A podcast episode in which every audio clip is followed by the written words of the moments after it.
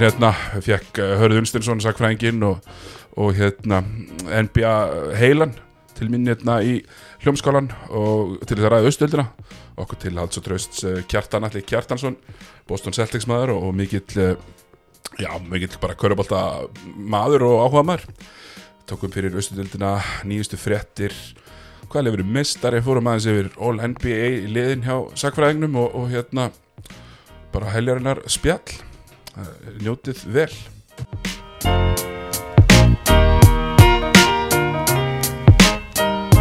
Já, komið sæl og velkomin í Boltin lígur ekki Boltin lígur ekki tekin upp hér á í hljómskaralum daginn fyrir nýtt uh, samkomibann en uh, örvænti ekki, hey, NBA-deildin fer á stað í kvöld og þetta ætti að droppa bara núna hérna.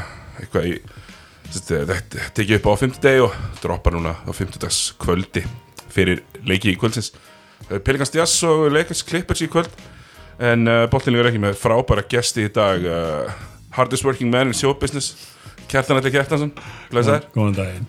Hérna, Kjartan Alli gott kvöld eða það er fymtaskvöld Já, ráðgarlega Kjartan Alli með sko fótboltafættina til þriðun ekki mm -hmm. til þriðun uh, hann er í bítinu með heimi og hérna örgulega að pródusera eitthvað þess á milli sko. Já, maður er alltaf eitthvað að feita í einhverju. Já, nákvæmlega og sjálfsögur líka sagfræðingurinn Hörður Vinstensson með okkur. Einu maður sem Bill Simmons hefur eitthvað rætt um í sínu podcasti sem er frá Íslandi. Lifa lengi á þessu. Harder Einsteinsen Harald Steinfeld Já, gott sko. Já, ég, ég er sjálfsögur við fréttin með okkur. Hérna, boltin yfir ekki bóði Dominos. Dominos búið að vera stoltu styrtalæri Körbólta Íslandi lengi og, styrta okkur hér á körunni já, mjög lengi líka. Hérna, 30% afsláttur. Hefði notið caravan.es uh, bæði í appinu og á netinu þegar í bandið Já, vel gert. Freka næst sko og, og 5, hérna 8, 1, 2, 3, 4, 5 Já, og Dominos náttúrulega hvað segir maður? Búið að það er koma samkvæmum aftur Dominos er aftur að fara að fæða íslensku þjóðina eins og ég gerði hérna í, í sam, samkvæmum bara mikið til sko. Og við sjálfsögum líka í bóði Eils Kristals. Engin sound effect hér. Um, ég er sjálfsögum í gulum núna.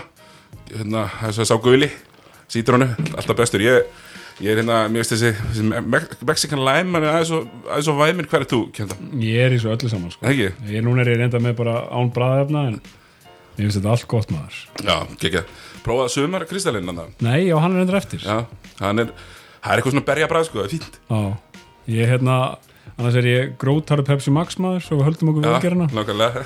Og það er eiginlega að verða mitt vatn sem er kannski svolítið hættulegt. Já, eitthvað gott, hérna, gott, gott koffin í því. En, en að sjálfsögðu, þú veist, við erum náttúrulega styrtir af kristall sem er tannvænt dryggur og, og, og eins og allir vita, það sést hverju drekka, Egils kristall Hérna, svo erum við auðvitað líka í bóði, hérna, sprettur, garðrækt sem er basically garðræktina stafís. Þannig að hérna, hérna, finnið það á Facebook Sprettur garðrækt, eða þurfið að kant skera eða eitthvað Við þessi næst í blómabeðinu, nennið ekki.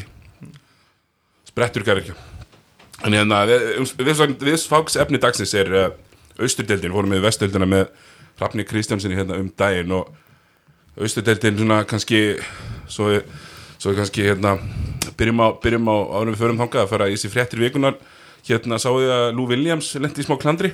Ef þið hefðu getað sett pening á eitthvað, leikmaður er, þið eitthvað svona hann hefði verið ofalega á lista. Já, sko, er hann ekki með hérna á sem herramannstað eins og þeir reyndu nú kalla Já, Gentleman's Club. Já, virðilegu nafni hann út í bandrækjunum er ekki vangir nefndir eftir honum? Jú, þannig að Lemon Pepper vanginir já, hann sagðist að vera ná í vangina var hann ekki? Já. Jú, hann bara annars við vangi Já. við trúum þín alltaf tók 45 myndur sko. Það er já, þetta þetta er auðvitað galið að vera í búblu og gera svona og hann vissir örugglega alveg upp á sér sökina. Já, en þetta er hvað tíu auka dagar í, í sótkví Já, þetta eru tíu auka dagar í sótkvíðas Klippur sem að mæta þá með klippur sér Billy Note og þeir mæta þá Montereysa Harrell er lausir.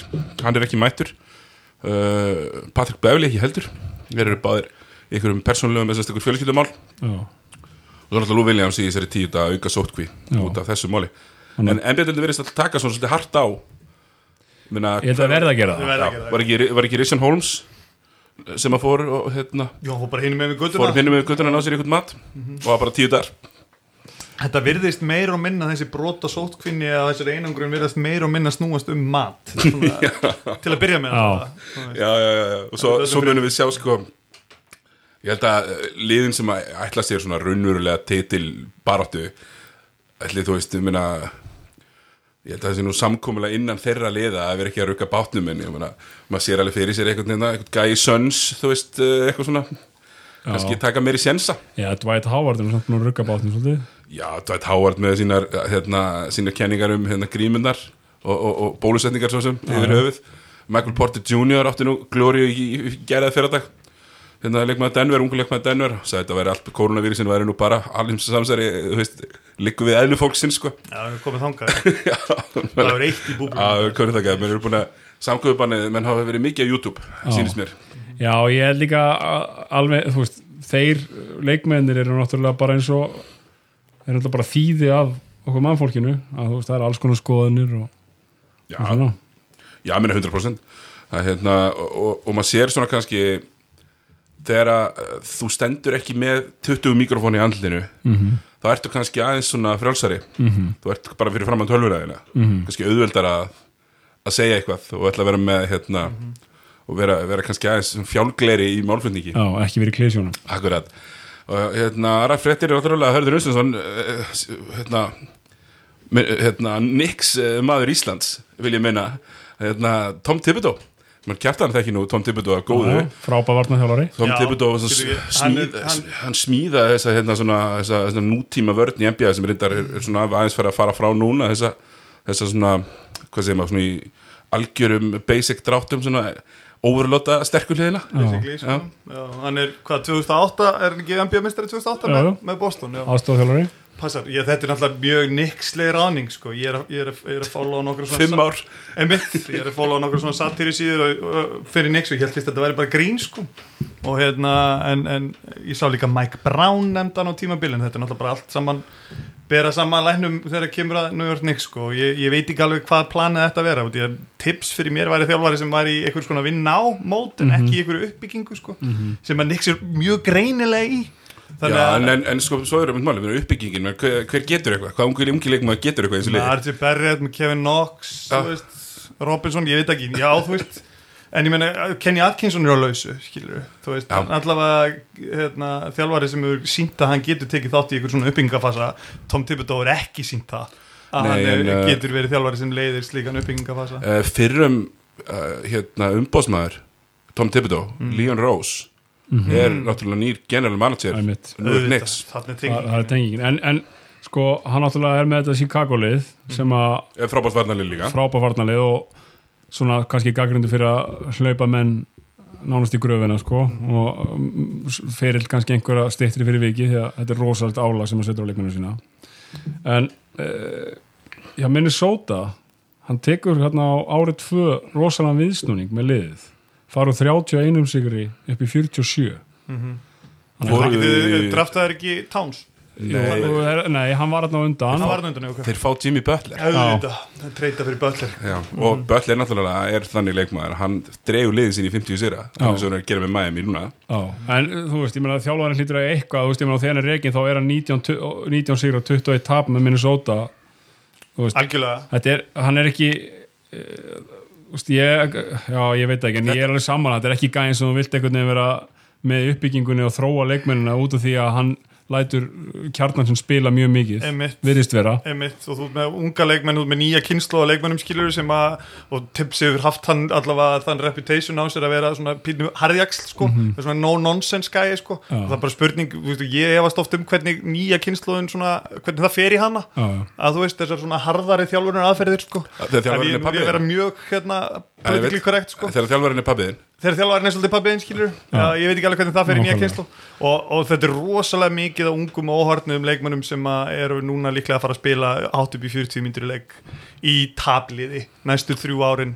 Eh, þetta verður, þetta verður erfitt. Þetta verður í, óbúslega í erfitt. mikilli pressu. Í undir mikilli pressu í stæðstu köruboltaborg bandaríkjana, mekka körubolta og allt það.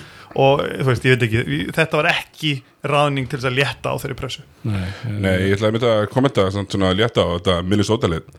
Að þeir voru frábært sóknarlið. Já, þeir voru hann að ég man ekki hvað það er nummer þrjú eða fjögur í sókn en þetta dabrir er varnalega Já. Kannathoni Townsdóttla sem akkir er varnalega ekki, ekki kannski það besta sem þú getur haft sko. En það var ekki fyrir Demi Butler meitist að þeir detta nýr í áttundasæti og lenda í þessu þessu geggjaða 17-18 hjústónliði og eru bara hamraðir. Mm -hmm. hvaða öll önnur matchup betur en þetta hjústónliði og Golden State hefði sennilega skilaði mér bara ágætt í séns komast upp um umferð sko. Já, já, þannig að ég held að veist, það er alveg einhver glæti í þessu en ég meina þetta, uh, þessi leikmann Open Nix, þetta er nú ekki Nei, er þetta er ekki merkileg lesning Það er ekki auðvungar að grisja sko Og-. Saga Nix er náttúrulega fyrirgeður sér móðgæður en hún er ekki merkileg Hún er, ekki- hún er þyrnum stráð sko. Já, Þetta er rauninni tvö, tvö tímabil sem þú getur benda á í sögunni þar sem að Nix hefur verið í rauninni bara relevant sko. það er smilti 70-74 cirka 70-73 í rauninni þeir vinna þessar tvo titla sem þeir eiga og svo eh, þegar er rauninni Patrick Ewing errað í rauninni sem endar svo á eiginlega Ewing Theory Já. þegar, þegar 99 liðið fer í Einmitt, úr- í úrslitin. rauninni sko, þeir, eru, þeir fara tvissinum í conference finals þarna áratum og svo náttúrulega í úslitin tvisvar og annars skiptið eins og þú segir einmitt, án Patrick Ewing. Og svo eftir það er þetta náttúrulega búið að vera algjört eitt, eitt langt þrótt sko. Já, 50 og hvað, 53 sér með Carmel Anthony 2013 2012-13 já. Já. en þannig að glemist í, að, í því að þeir sko treyta frá sér hálfum búgarðinum til þess að fá Carmel Anthony. Þeir hefði geta bara beðið í nokkra mánuð og sæna hann sem free agent sko. Veist, það er fullt af svona litlum hlutum í gegnum tíðina sem að einhvern veginn þeir hafa bara skotið sjálfum sig í fótinn með og ég held að sé bara einhver dysfunksjón innan, innan þessa klúb svo þessu félag sem að þarf að, að, að hérna, róta fram að og skiptir yngum máli hver að þjálfa Nei, veist, má ekki bara, má ekki bara suma þetta upp í að eftir höfðinu dansa limitinn mm. svolítið mikið. Tim Dolan Það- eh, hérna, láta þetta vísa vísandi fólki úr stúkunni og Já, það, það þarf að koma honum burt. Ég held að það séu allir sem að eitthvað þekkja til þarna innan, innan Nix organisationi sem eru bara sammála því að honum þarf að koma burt. En það sem þetta kennir okkur er að hugrekki í, að hugrekki á leikmannamarkanum í NBA getur oft ekki borga sig. Og þú veist, yfir þeir sem að svo í sletta en swing for the fences mm -hmm. sáðan svo hvað Brooklyn Nets hvað þeir voru lengi að jafna sig á treytinu sem þeir gerði við Boston. Og allt þetta eiginlega allt sem að Knicks Leikes Lakers og allt sem að Knicks gerir er alltaf svona þeir eru að reyna að sveifla í átta hómrun það er, það er einhvern veginn alltaf og þeir eru alltaf, alltaf einhvern veginn að slá boltan út fyrir leikvangin en þá bara endar í dýbri og dýbri mýri og svo sekkur það bara endanum sko. Algjörlega. Já, þegar einhver einasti, einhver einasta first round pick þarf að vera sko savior. Já, þarf að vera sko frelsarinn. Og ekki nómið það að þessi vilja frelsarinn það skulle alltaf vera þannig að þú getur þá náði frelsarann með, með þessum leikmanni sko Já, svo ertu fastur í þessu kviksindi að þú ert endalast að reyna að, að hérna, þú ert aldrei svona að búa til capspace til þess að fá okkur free agentin en meðan þú ert að búa til þetta capspace þá ertu bara að skapa dysfunksjón og óeiningun á klúpsins Já. sem að gera það verkum að vill engin free agent koma einmitt þannig að hvað, þá ertu í rauninni bara að grafa þín einn gröf sko. og það er það sem er búið að gera sístu 20 ári og svo ertu komið með hennan uh, svala klúb í Brooklyn Já. sem að einhvern veginn menn vilja fara í og það er hverfi sem að hefur gott orða sér. JC á. Já, og við erum með þess að blöndu af að sko þetta svona korfubolti og hip-hop menningin hefur blandast núna undarfærin 20 ár jafnvel 30 ár ef við fyrir ofta til 90s að þá ertu komið með þann klúb einhvern veginn inn. Þannig að það er orðið ennþá erfiðara fyrir Nix að vera relevant, þeir eigi ekki sinni eigin borg lengur þannig laga, sko, ekki einu svalast að leiði í borgin og þú, hvað hefur Nix ef þið hugsið út í það? Þeir hafa, þeir, það er alltaf að tala um söguna. Þetta er engin saga eins og þú segir. Þetta er rosa lítil og stutt saga. Þeir hafa höllina, þeir hafa MSG ég myndi ykkur, hvað væri New York Knicks eða þeir hefði ekki MSG já, það var erfitt þess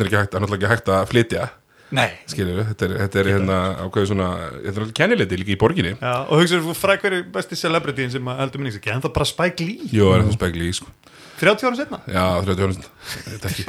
Ég held að svona, bara svona til að grípa það sem kjartan sagði um, hérna, um hérna, tenginguna við hiphopið þú sér bara, þú veist, þú ferði þú ferði Barclays í Brooklyn, að meina það eru svona fimm sætara, það er fyrir aftan aðra körfuna sem er bara eitthvað DJ-borð Já. þú veist, í alvöru, sko. Þeir eru núna búin að gefa út hérna þeir eru búin að gefa út núna uh, Brooklyn Nets treyju til einhvað Biggie Smalls. Já, akkurat. Og þeir eru með svona hérna það sem að að hérna niður í það sem að alltaf hvað stærð búningurinn er. Og þá er svona slogan undir spread love, it's the Brooklyn way. Veist, þeir eru bara all in í Brooklyn rappinu sko, sem er geggjað sko. Já, það er mikið, mikið, mikið, pælt í þessu hana og, og hérna þeir eru náttúrulega þeir eru í búblunni Brooklyn, Brooklyn menn og, og hérna en við ætlum svona kannski að við ætlum að byrja á, á hérna hvað segir maður svona kannski ein- liðinu sem er bóðið af því að það þurfti að bjóða einu úr östudildinni Já, þetta er svona, hérna, einu sinna var ég stattur í Stikisólmi, hinnum heimabæ Já, og hjá Kristjáni Lár frænda mínum og það var vinur hans sem átti ammali og, og ég var í heimsókn en mér var ekki búið í ammalið og það þurfti eða svona að þvinga mig inn í ammalið og ég held að Washington Wizards líði nákvæmlega hens að svona, herri, það er hérna svona frændin úr borginni sem þurft að fá að vera með. Já, já, já, þetta gekk ammali, ekki. Bara maður pistol og pítmyndin hann, borðar ekkert, ekkert of mikið sko. Hann er ekkert að fara að taka mikið af pítsu. Er ekki lægi að hann komið með? Nei, sjátt á Kristallár samt, er hann ekki með hérna einhverja dótuna, hérna, hvetjum allar til að kíkja á það. Eh, Hérna, já, ekki þeir eru nóg með það að þessi eru þvingar til að vera inn heldur þeir eru gjössamlega vangbrotnir já, fyrir allan peningin sko.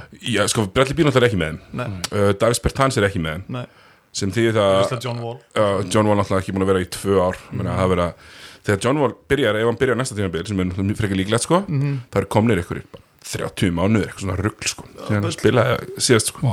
Þetta er með Hachimura, hann er með. Já, Hachimura með. Troy Brown er með Admiral Schofield. Já, Is, Smith okkar maður og, og hérna þetta er náttúrulega bara svona grauta lið skilur, sett saman, þú fyrir meiri sem með Bradley Beal, svo bara fyrir minna eldsnötti logistics, þá eru þeir lélegasta varnalið dildarinnar, nummer 30 af, af 30 mm, og hérna 12 í sókn, Búin að undirlega góði svonulega já það er bara Bradley Beal að skjóta vel sko, og Davis Bertans að skjóta vel. Og, og hérna sko, það var náttúrulega alltaf, alltaf öðruvist að tala um þetta lið að Bradley Beal verið með því þá er þetta þú veist, meina Bradley Beal getur alveg átt back-to-back 50-stæleikin sem hann gerði. Sem, og kannski spilaði á við Brooklyn og Orlando og unnið að báða skil. Já, út af, þú veist, út af því líka að Brooklyn eru þetta vangbrotin líka sem við komum kannski að eftir að það, það hefði alveg verið eins og þú líklega komið inn í síðasta podcasti og þarf það að vera innan fjögur að leikja þeir eru bara, og það er, þeir eru sko sex leikjum frá Orlando. En þeir eru bara tvekkjuleika sveifla en þeir eru að ná til þess að fara inn í þetta double elimination dæmi, þú veist. Þannig að það hefði alveg verið sens hefði þeir verið með Bradley Beal sko. Í hvaða reikfyllt af bakherbyggi voru þessi Já, reglur búnar til? vera innan fjögura þetta er bara eins og Þetta er rosalegt. Þetta er bara eins og þegar hérna, heimsveldin skip, skipti heiminum upp hérna í gamla daga Já, með reglustíkunni já. já, já, þetta er pínu þannig sko, og, og þetta er sett upp náttúrulega til þess að, til þess að segja top 22 til þess að hafa eitt austurlið með, svo þau myndi ekki bara fara beint í, í playoffs, Já. þannig um, og líka gert bara út af því að uh, þetta NBA er rauninni sko út, út af því að það eiga allir eigendunir NBA, þá er þetta svona, hálf, svona eiginlega sósalist ja, bara 100% Batteri, já. þetta er það. Batteri þú þart sko samþyggi þegar þú fara að gera eitthvað svona þá þarftu samþyggi allra. Það er ekki nóg að fá samþyggi sko, það er ekki aukin meiri hluti það er ekki nóg. Þá allir eigendunni þurfti að samþykja hvernig þetta átti að vera og það þurfti að það þurfti að þrýsta á Portland Portland vildi 20 lið. Og það þurfti víst bara mikið þrýsting til þess að hérna til þess að sko þeir myndu skrifa undir uh, þetta batteri en, en ég er svona fann í ganni bara svona að því við erum minna með uh, hverju byrjuðu uh, Washington leikin síðasta sem það hæfingarleikin Já. hjá Washington. Það eru Isaac Bonga byrjar, uh, hérna Rui Hachimura, Thomas Bryant Troy Brown Jr. og Shabazz Napier þannig að hérna, þetta væri ekki einu sinni besta liði í G-League Nei, bara það- allir þessi gaurar væru í G-League svona undir veljum kringstæðum Já. eða flestir. En þú veist, ok, við ætlum að segja einhver þú veist, ég, það er eitthvað sem að ég fíla við Thomas Bryant svona kannski í svona 50 hverjir sók sem hann spilar því að svo tekur hann lilla rákvarnin á milli sko. Já, en stundum, stundum lítur hann og maður bara svona, ok, shit, þessi gæri að setja þetta saman. En já. Þetta lir ekki að fara að gera neitt. Það er ekki var að gera neitt. Þeir eru bara, tók, tók, þeir eru kjartan allir í uh, ammálsvesli í hólminum. Já, næsta Mér máta finnst þetta frábært, hérna, þetta verður í fyrirsögninni. Hérna, Næsta mál er, uh, eru hérna, Orlando Magic sem eru núna áttundasetti en á heimaðalli á heim, á heim nákvæmlega á heimaðalli í, í, í töfra ríkinu. Þeir kom inn uh, nú með nýju í vörn og 24 í sókn. Já, og taland, talandi um vörnina Jonathan Isaac komin aftur Já, það breytir öllu fyrir það það bindir og svolítið saman. Það gerir það. Ég, það breytir öllu, það gerir það verkum að ef ekki segja, þú veist, þá geta þær unni tvo leiki af, af einhverju lið Já, ég held, ég, held að þeir, þeir taka Mó Bamba er búin að bæta á sig ykkur um 20 kílóum Já. Það er búin að sjá myndir á honum. Nei, Bölkaður að Bölkaður sko, hann segir hann að bæta á sig ykkur 2% fyttu, 2% fyttu, restin er bara vöðvar sko. Þeir eru alltaf, hefur ekki séð, það, eftir hvert einasta off-season er alltaf Já, já. up added 10 pounds of muscle eitthvað en,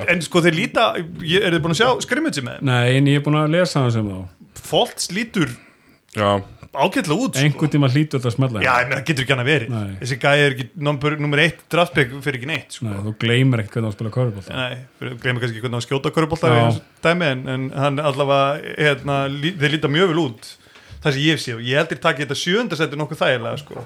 og ég myndi ekkert vilja endilega mæta eitthvað svona ungu frísku Orlandóliði, ég myndi á heimaðalli í fyrstumferð Nei, í búblunni líka, sko, það, það verður spilað bila þétt. Við erum bara þessir átta leikir eru að fara að vera sem á lið. Eru spilaður tveimur hórri í viku, sko. Segjum það, segjum svo að þeir ná sjöundasettinu og þeir fara á móti Toronto. Toronto er með sko Lauri Gasol og Ibaka sem eru báðir norðum meginn við 30 sko. Menn þetta er ungt, frest, fest hérna, Orlandóli, ég veit ekki, ég, ég sé upset potential aðna Ég, ég held að sko kannski, kannski það sem aftrar mér frá að velja það er það, er- eitt leikmaður í þessu liði sem getur gert sem kannski er svona consistent að skora boltanum í, í Úsevits Já, svo er Furnier vinnur okkar hérna. Já, Fúrnir getur dottið alveg hann á leiki. ansi vel í gang. Já, uh, Svo er hitt eiginlega allt spurningamerki. Já, já og, og, og en þeir, sko, þeir eru með kannski topp nýju hjá þeim. Langt flestir mjög upplöðir varnarlega. Menna með þess að James Ennis og Michael Carter Williams er að fá mikið af mínútum. Nýta er vel varnarlega en, en þú veist þetta liður erut með að skora þegar það kemur í seint í leiki er sérstaklega erut með að skora. Það sem að eins og, eins og þú veist þið, þið er alltaf vitið sem að, maður horfið, horfið mikið á, á körubólta bæði innlendarna og erlendana það er þú veist tíu sekundur eftir loka skotið þú fer, fer kannski ekki endilega á postin á Vúsevits Nei. Þeir eru svolítið háður því þú veist að Terence Ross fun hittni eða Já. Fournier sé í stuði eða, uh, þú veist, Aron Gordon er ekki þessi option sem þú vilt, en það sem þeir hafa er svona skemmtilega þéttir, þú veist, með DJ Augustín sem einhvern veginn næra næra að stýra liðinu og, og svona, þeir voru nú hérna í úslakefninu fyrra þá mættu Toronto Já, og unnu fyrsta leikin og voru tæpirileik tvö, hvernig var það? já þeir, þeir áttu, voru töpu, fengur ekki gentleman sweep voru ekki allavega. sko þannig sem gerist þá náttúrulega eins og tala um DJ Augustin DJ Augustin átti bara leik lífsins bara DJ Augustin leikurinn leikur eitt. Og hérna svona kannski uh, minnir maður á það að DJ Augustin þó hann sé kannski ekki leikmaður sem vilt að starta alltaf leikihásinu, búin að vera mjög kompetent vara leikstundandi mjög lengi. Já, og hérna hann bara svona, já, steady hönd um mitt uh, kannski svona síðasta með, með uh, Orlando er að þeir koma náttúrulega inn sko 6 og 4 í síðustu 10 í, í, í Reykjavík sísuninu mæta nokkurn veginn með sama leikmannahóp sem að það er ekkert þannig hjá öllum. Nei, það er þannig ákveð kont continuity þar. En ef ekki að finnst okkur ekki líklegt að það er hoppi yfir skringilegt netslið Jú, ég held að sé næst öðru þeir eru náttúrulega jafnir. Já, liðin eru jöfn og, og það er eitt tapleikur á milli, þeir eru með jafn marga sigra þannig að ég held að þeir munu nú klukka þá sko. já. Og þá er með tvöru í, í, í Brooklyn Nets sem eru svona, segja, meira cool. Já, meira cool og, og þú veist það er svart, það er mikið svart. Mhm. með hérna, mér veist höllin hún er geggjuð, Mhm. það er geggja gaman að koma hún er hérna, þetta er ekki svo að vera í Texas það sem þú veist, hérna, hálkina svona lazy boy, þú veist, það er, það er púði í, svo, í stætinu og no pláss maður, Mhm. hann ertu bara í einhverjum hipster allir minni inn í baki og næsta manni og, og þröngt, sko. En stæðan bratt, Mhm. það er mjög flott svona stemning, en, en náttúrulega það er erfitt að meta þá að þegar maður kæri mun ekki spila. Nei, hérna, Durant náttúrulega mun ekki spila en það spila svo sem ekkert í vetur. Uh, ekki með er ekki með, Deandre Jordan ekki heldur held ég, Nei, er þetta ekki, berst ekki Jared Allen og Karl Slavert jú, þeir eru búin að ná það er sér prins er ekki með heldur. búin að ná sér í Jamal Crawford. Vita, já. Menna, síðasti leikurinn sem Jamal Crawford spilaði sko 50 stig. Hvað, fyrir ekki, hvað er hann ekki 79 mótul, uh, Jamal Crawford. Eða 80 mótul Hva, hann er allavega orðin fært hann var að spila, var hann ekki að spila í Þísklandi? uh, Jamal Crawford draftaður um ekki? 2000 2000, já, passar. Hann er 80 mótil já, nei, 2001 er ekki draft 2001 já, hann, er 80, hann er orðin færtur hann var færtur í, já í, sé- skoraði 50 stig í síðasta leiknum með, með Suns. Já, hérna, í, í fyrra, já, já, þannig að þetta verður hann þetta verður, já, Wilson Chandler er ekki einu svona að spila heldur sko, Nei. þetta verður The Justin Anderson Show hérna. Sem, að, sem að er hérna, mikill ístumæður en, en hérna kannski ekki, ekki eins mikill kauruboltamæður hérna er þetta kannski bara dægifæri fyrir Karislu Vörd að fá bara að gera svolítið já ekki bara. Já, En það, hann var nú komin á raun hann og hann að mittist. Já, mér finnst það mjög, mjög, mjög spennandi leikmaður. Já, fengar líka hérna, endursömdu við hann í fyrra þrjú ár, 54 mm -hmm. 317 sem ég held að sé mjög vel gert fyrir báða bara. Já, ég átti svolítið breyka á tímbili í fyrra og, og náttúrulega lent í þessum meðslum í vetur sko en, en ég meina, það skiptir svo sem yngu máli, þetta er nú svipað með þessum með Washington að þeir eru nú ekki að fara að gera mikið sko. Það Nei, er ég- bara ég- milli ég- þeirra að tvekja ég er Washington. sjokkur að það að vinna tvo leiki sko. Já, það er inni sko, ég myndi segja að það sé svona ein, einn og hálfur ofur undir hefðan sko. Já ég hérna er alveg samanlega því sko. Ég held að þetta, þetta liði náttúrulega bara einhvern veginn ekki líklegt. Nei, nei, Neitt. ekki, er, er ekki verið að gera neitt. Við ætlum bara hérna, kannski bara poppum yfir það. Uh, og nú erum við komin í svona það er alveg svo í vestöldinu, það er að skiptist það svolítið í svona ákveðin level. Og mér veist við, við, náttúrulega förum upp um nokkur. Og næsta leið í, í, í sjö- sjötta sætinu uh, Philadelphia 76ers leið sem að margir byggust uh, við miklu af í vetur. Já, Þeir, þeir, detta út basically í leik sjö fyrir hérna, f- fjögura skopps uh, Kava Lennart tjömper annars er þeir bara í conference finals sko. Já, í rauninni það liði kannski svona fyrir utan, utan hérna, með Miami kannski fyrir utan Toronto með að missa Kava Leonard sem er breyst hvað mest á milli tímabila. Mhm. uh, missa náttúrulega Jimmy Butler og fá inn Josh Richardson og Al Horford og, og gera svona einhverja tilraun með einhverja svona tvekja, tvekja stóra manna kerfi sem ekkert mörg liði hafi verið að gera. Nei. og hann og hefur ekki hefnast vel. Ekki hefnast vel. Er- missa líka JJ Reddick missa JJ Reg líka já. Þannig að þú veist það er ekki smá sveifla á milli tímabila. Og þau eru að reyna þetta, þetta nýja með, með Ben Simmons að gera hann að sem er raunni, þú veist, þú veist pínu svona last ditch effort til þess að reyna að fitta honum og, og, og Joel Embiid saman og ég held að sagan er eftir að skrifa þetta, þessa tilraun núna síðustu 5-6 ára sem, sem, sem feilir og þeir verða í rauninni eitt af þessum tvíegjum í sögu NBA sem að náði einhvern veginn aldrei að messa saman og þurfti í rauninni að splundra til þess að, að hérna, þeir geta orðið síni einn leikmenn á, á síni einn merit sko. það er mjög sorglegt að þeir hafa ekki náð ennþá að smetla saman því að hvori sínum lægir þeir magnaðir, svona skemmtilega típur inn í NBA einhvern veginn, ólíkir öllum öðrum stjörnum en býta þessi stóri eila 90 center mm og svo varstu með hennan einhvern veginn nútíma Magic já, já. og, og, og sem getur bara veist, Magic var ekkert eitthvað rosalega skitta en ég meina Nei. relatíft með við hans tímabil þá var hann hann ekki einn slæmur og Ben Simmons og bara maður sem hann neitt skaut allavega veit. Það er myndið að vesta við það sko. maður horfir á Janni sem er líka léleg þryggjastaskipta hann tekur þetta, Já. þú neyðist allavega til að hugsa um það. Kannski skýtur hann og eins og, eins og ég minnist, þreytist ekki minnist á hérna, maður hlynur bæring sko minnist í viðtal og, og spurur að þegar maður sett eitthvað þrjá, þrjá, þrjá, þrjá þristar snæfell, þau eru örugglega 2009 10 það geta allir skora pinta mútið körunni. Það er allir skotið þristum pinta mútið körunni mm þannig að Jannis tekur þess þetta eru þristarnir sem Jannis tekur mm pinta mútið körunni, bara af topnum ég skil ekki ekkur Ben Simmons að ekki geta tekið Nei, og líka það er búið að vinna með honum í þessi fjögur ár sko. fjögur, að verða fimm ár sko. Þú veist að maður myndi halda að væri einhver bæting, jú, ok, hann setti sinn fyrsta. Við maður hann það var það hann sagði, var, svo er hann búin að setja tvo í búblunni sko. hann búið að setja tvo í búlunni, já, búblunni. já. En, þú veist, en, en, en þá, verður, þá verður að finna einhver aðra leið þá verður að finna einhver aðra leið annarkort verður þá að splundra þessu lið og, og, og leiða honum að gera eitthvað annað en þú verður að finna einhver aðra leið til þess að gera hann effektív hvað er hann góður í? Hann er fáránlega góð varnamæður Mhm. einn af bestu varnamönnum sem við erum með í dildinni hann er rosalega á opnum velli en þú getur ekki haft hann í halfkortsók það sem að, það sem að hann er í rauninni bara að, að, hérna, að minka plássið á vellinu fyrir hinnuleikmann Hvort myndið þið velja? Ég myndi skipta, ég myndi skipta, ég veit ekki Þetta er rosa erfitt, þegar Embiid er ekki mjög durable. Og mótorinn questionable, ég meina Embiid eftir síðast tímabil, þá var ég vissum að hann myndi koma inn í þetta tímabil og vera bara easy top 5 gæi. Og hann er bara way off í, í vetur með við það sko. Já. en jú, allir maður myndi ég, ég, ég veit ekki, mér veist kannski Ben Simmons náttúrulega festir því svolítið. Þú, þú hérna þú verður að, verður að byggja í kringum hann. Akkurat. Já, en, en En líka reynir en býtir ekki það jú, Í rauninni, rauninni ertu með tvo einn af vellinum, það ætlar að spila þeim báðum sem að eru veist, undir 30% tryggjastæðskittur. Já. Þú er með tvo af vellinum sem þú getur sakka af vartalega og, og það er ástæði fyrir því að Philadelphia er búin að spila fæst pekir róla á öllum liðum í deildinni í síðustu 2-3 árin. já, kannski, kannski punktur sem ég langaði að minna staðum þú myndist á kjöfna en þetta þetta JJ Reddick dæmi mm. ég myndi segja svona 75% af sóknarleik fyrir Delphi fyrir að hafa verið handó sem að náttúrulega var, var þeirra rauninni. hérna í raun og veru. Um, geðveikur leikmann frábær leikmaður og, og sko bætt sig á hverju ári bara orðið góður að setja boltan í gólfi líka núna þegar kemur turns the corner eins og maður, eins og maður segir.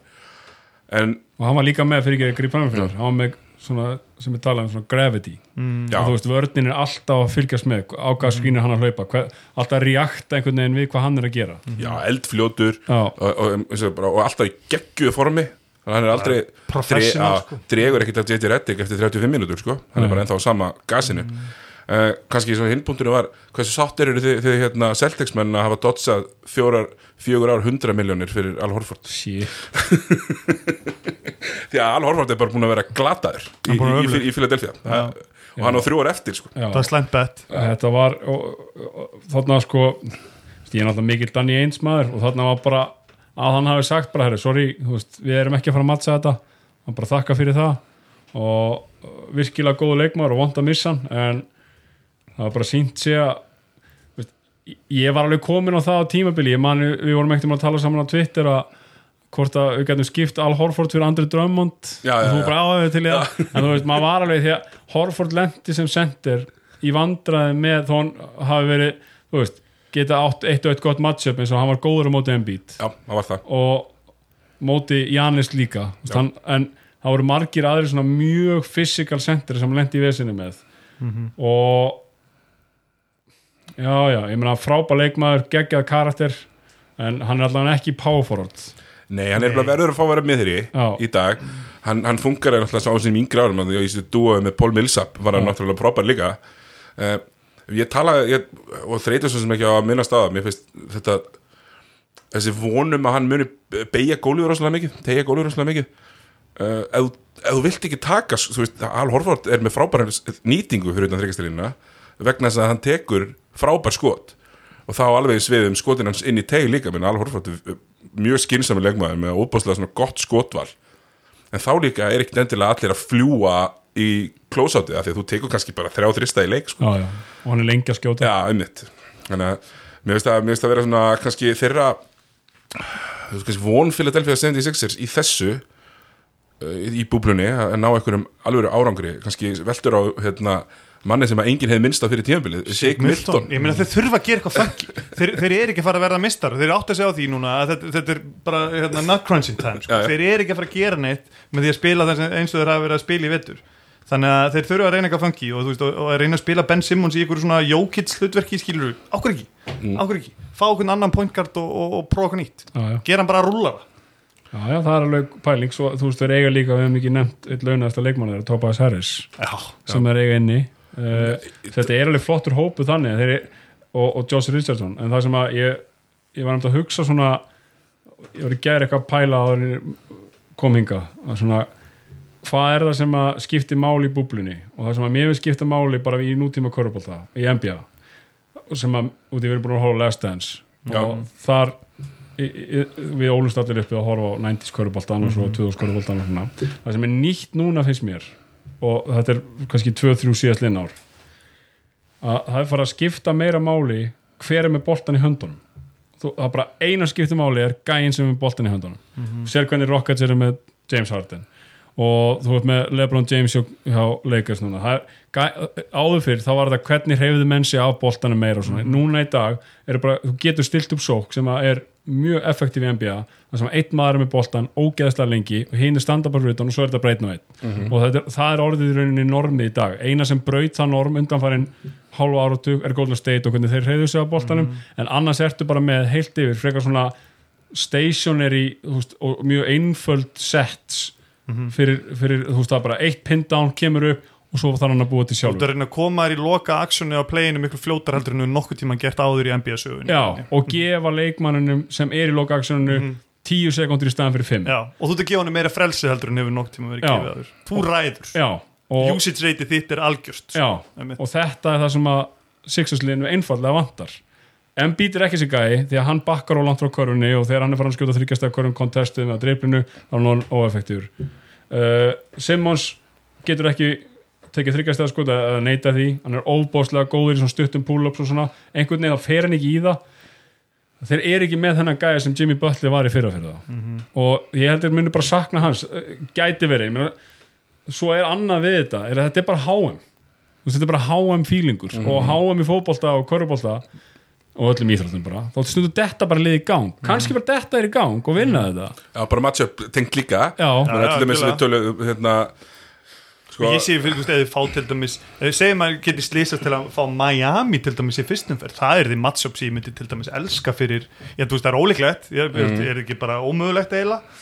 Jú, það er bara ómögulegt þú veist, Indiana gerir það svona, já, Já, hálfum þeir, já, þeir eru að fara að fá líklega, líklega Boston eða, eða, eða líklega Boston okkur er það ómögulegt. Nei, það er endur ekki eru ég var það. já, það eru jöfn, sko. Já, já, Indiana líklegt til að droppa Já. þannig að já þetta en Miami geti þessum Já. alveg Nei, ég- hérna, haldið í stað, sko. Já, þannig jú, fjögur, Þa, fimm það væri til dæmis alveg geggjað fyrstu rándar matchup fyrir emitt Philadelphia til að koma sér í gang að spila á móti svona pínu, pínu funky lið sem er, hérna, sem er, sem, sem er Miami Heat sko. Já, og líka þetta, þú veist, þess að rivalry með Jimmy Butler. Já, já, Já, meina, það er kannski líka eitt sem að mér, veist kannski svona eiga- telja svolítið grimt sko er að Jimmy Butler gætt líka sko þess að fylli þeir eru geggja svona halvkort varnalið og Jimmy Butler menna, sér bara hvernig Miami núna þeir eru líka geggja halvkort varnalið af því að þeir með Jimmy Butler eða þarf þá bara fer hann og sækja sér vítaskott og allir geta stilt sér tilbaka og fer og sækja villur og, og svona, for, svona force, force the issue einhvern veginn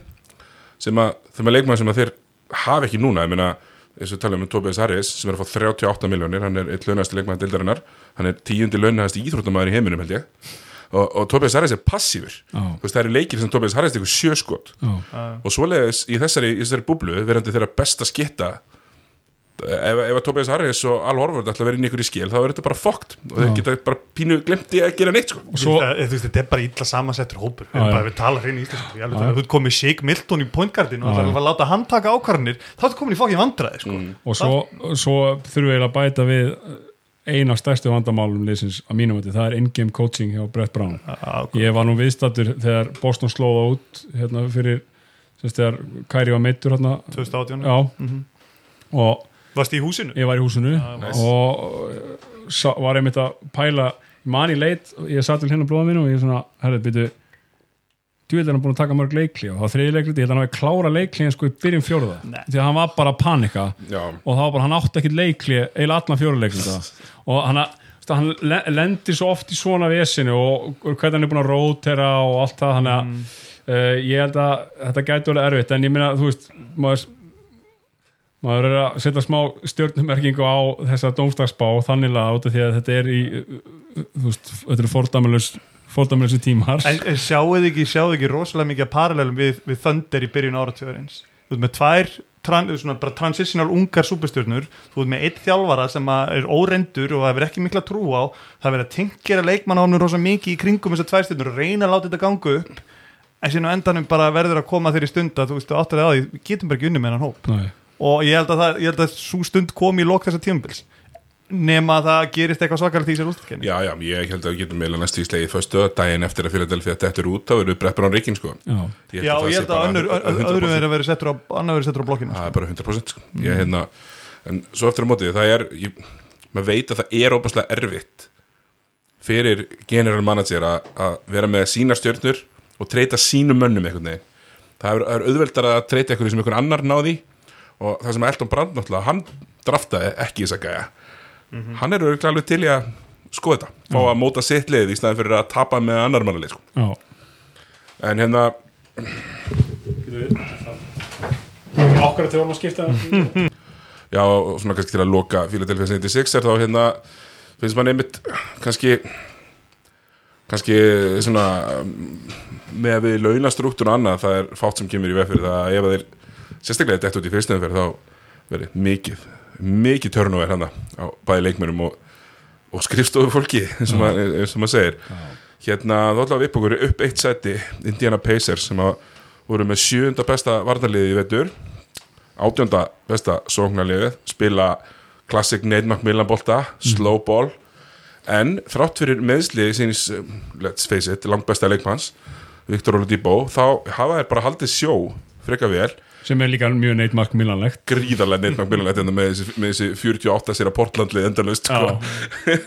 og, og hérna þeir náttúrulega verða fyrir en, stóri minna Sabonis verður ekki með. Sabonis er átt, já Sabonis er átt, það er risastórt minna hann er þeirra allstarleikmann í vetur Það er besti leikmæri, já besti vetur og, og hérna eh, Viktor Oladipo er í svona, er það ekki, haltum verið sleftum Jú. mót ekkurju Jú. það er hérna, eh, maður sér að hann hérna, það er kannski eins og hann langi ekki að spila og vera lélegur af því að hann mun þurfa, þú veist þess að leiki í raun og veru bara svona hann sem er rampa upp að þegar hann var hann var ennþá greinilega átti smá í land sko, Já. þegar við stoppuðum Já. Já, hann var, hann var að skjóta boltanum skelvilega sko. á, um, hann, var, á- hann var á restrictioni hann var að spila einhverjar 15-20 í leik sko.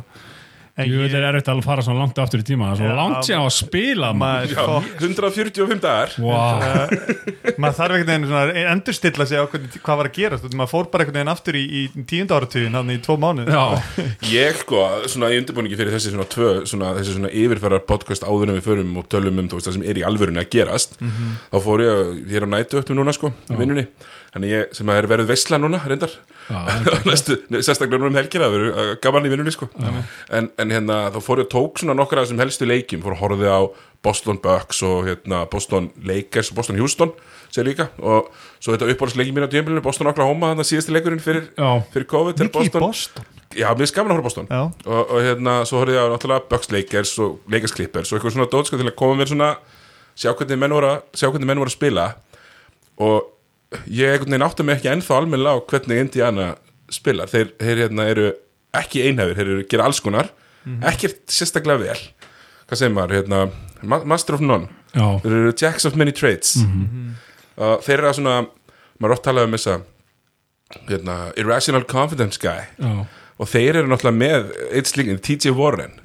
TJ Warren sem eru aldrei síðan skot sem hann eh, langar ekki að taka. Nei, og það er að spila fjarka núna Já. já, eiginlega Hann, ver, hann mun, uh, held ég, detti fjarkan og með honum uh, Miles Turner þá í fimmunni Miles Turner í fimminu sko og, Já, en það er ótrúlega sko, já. tölfanars Miles Turner þegar uh, Sabonis er ekki með eða er út af er mjög ólík því þegar hann er með hann Betri tekur, þá? hann tekur miklu betri skot Já. þegar hann er ekki með hann svona fitta betur inn í einhvern veginn að vera eini stóri gæin en varnarlega er liðið skelfilegt þess að Sabonis er ekki með því að. Sabonis hefur alveg náð að hanga í fjörkonum sem er mjög merkilegt. Ég gerði þú svo frægur að vera viðstatur eitt leiki á Indiana tímabilinu og það var á móti Toronto Raptors. Mm.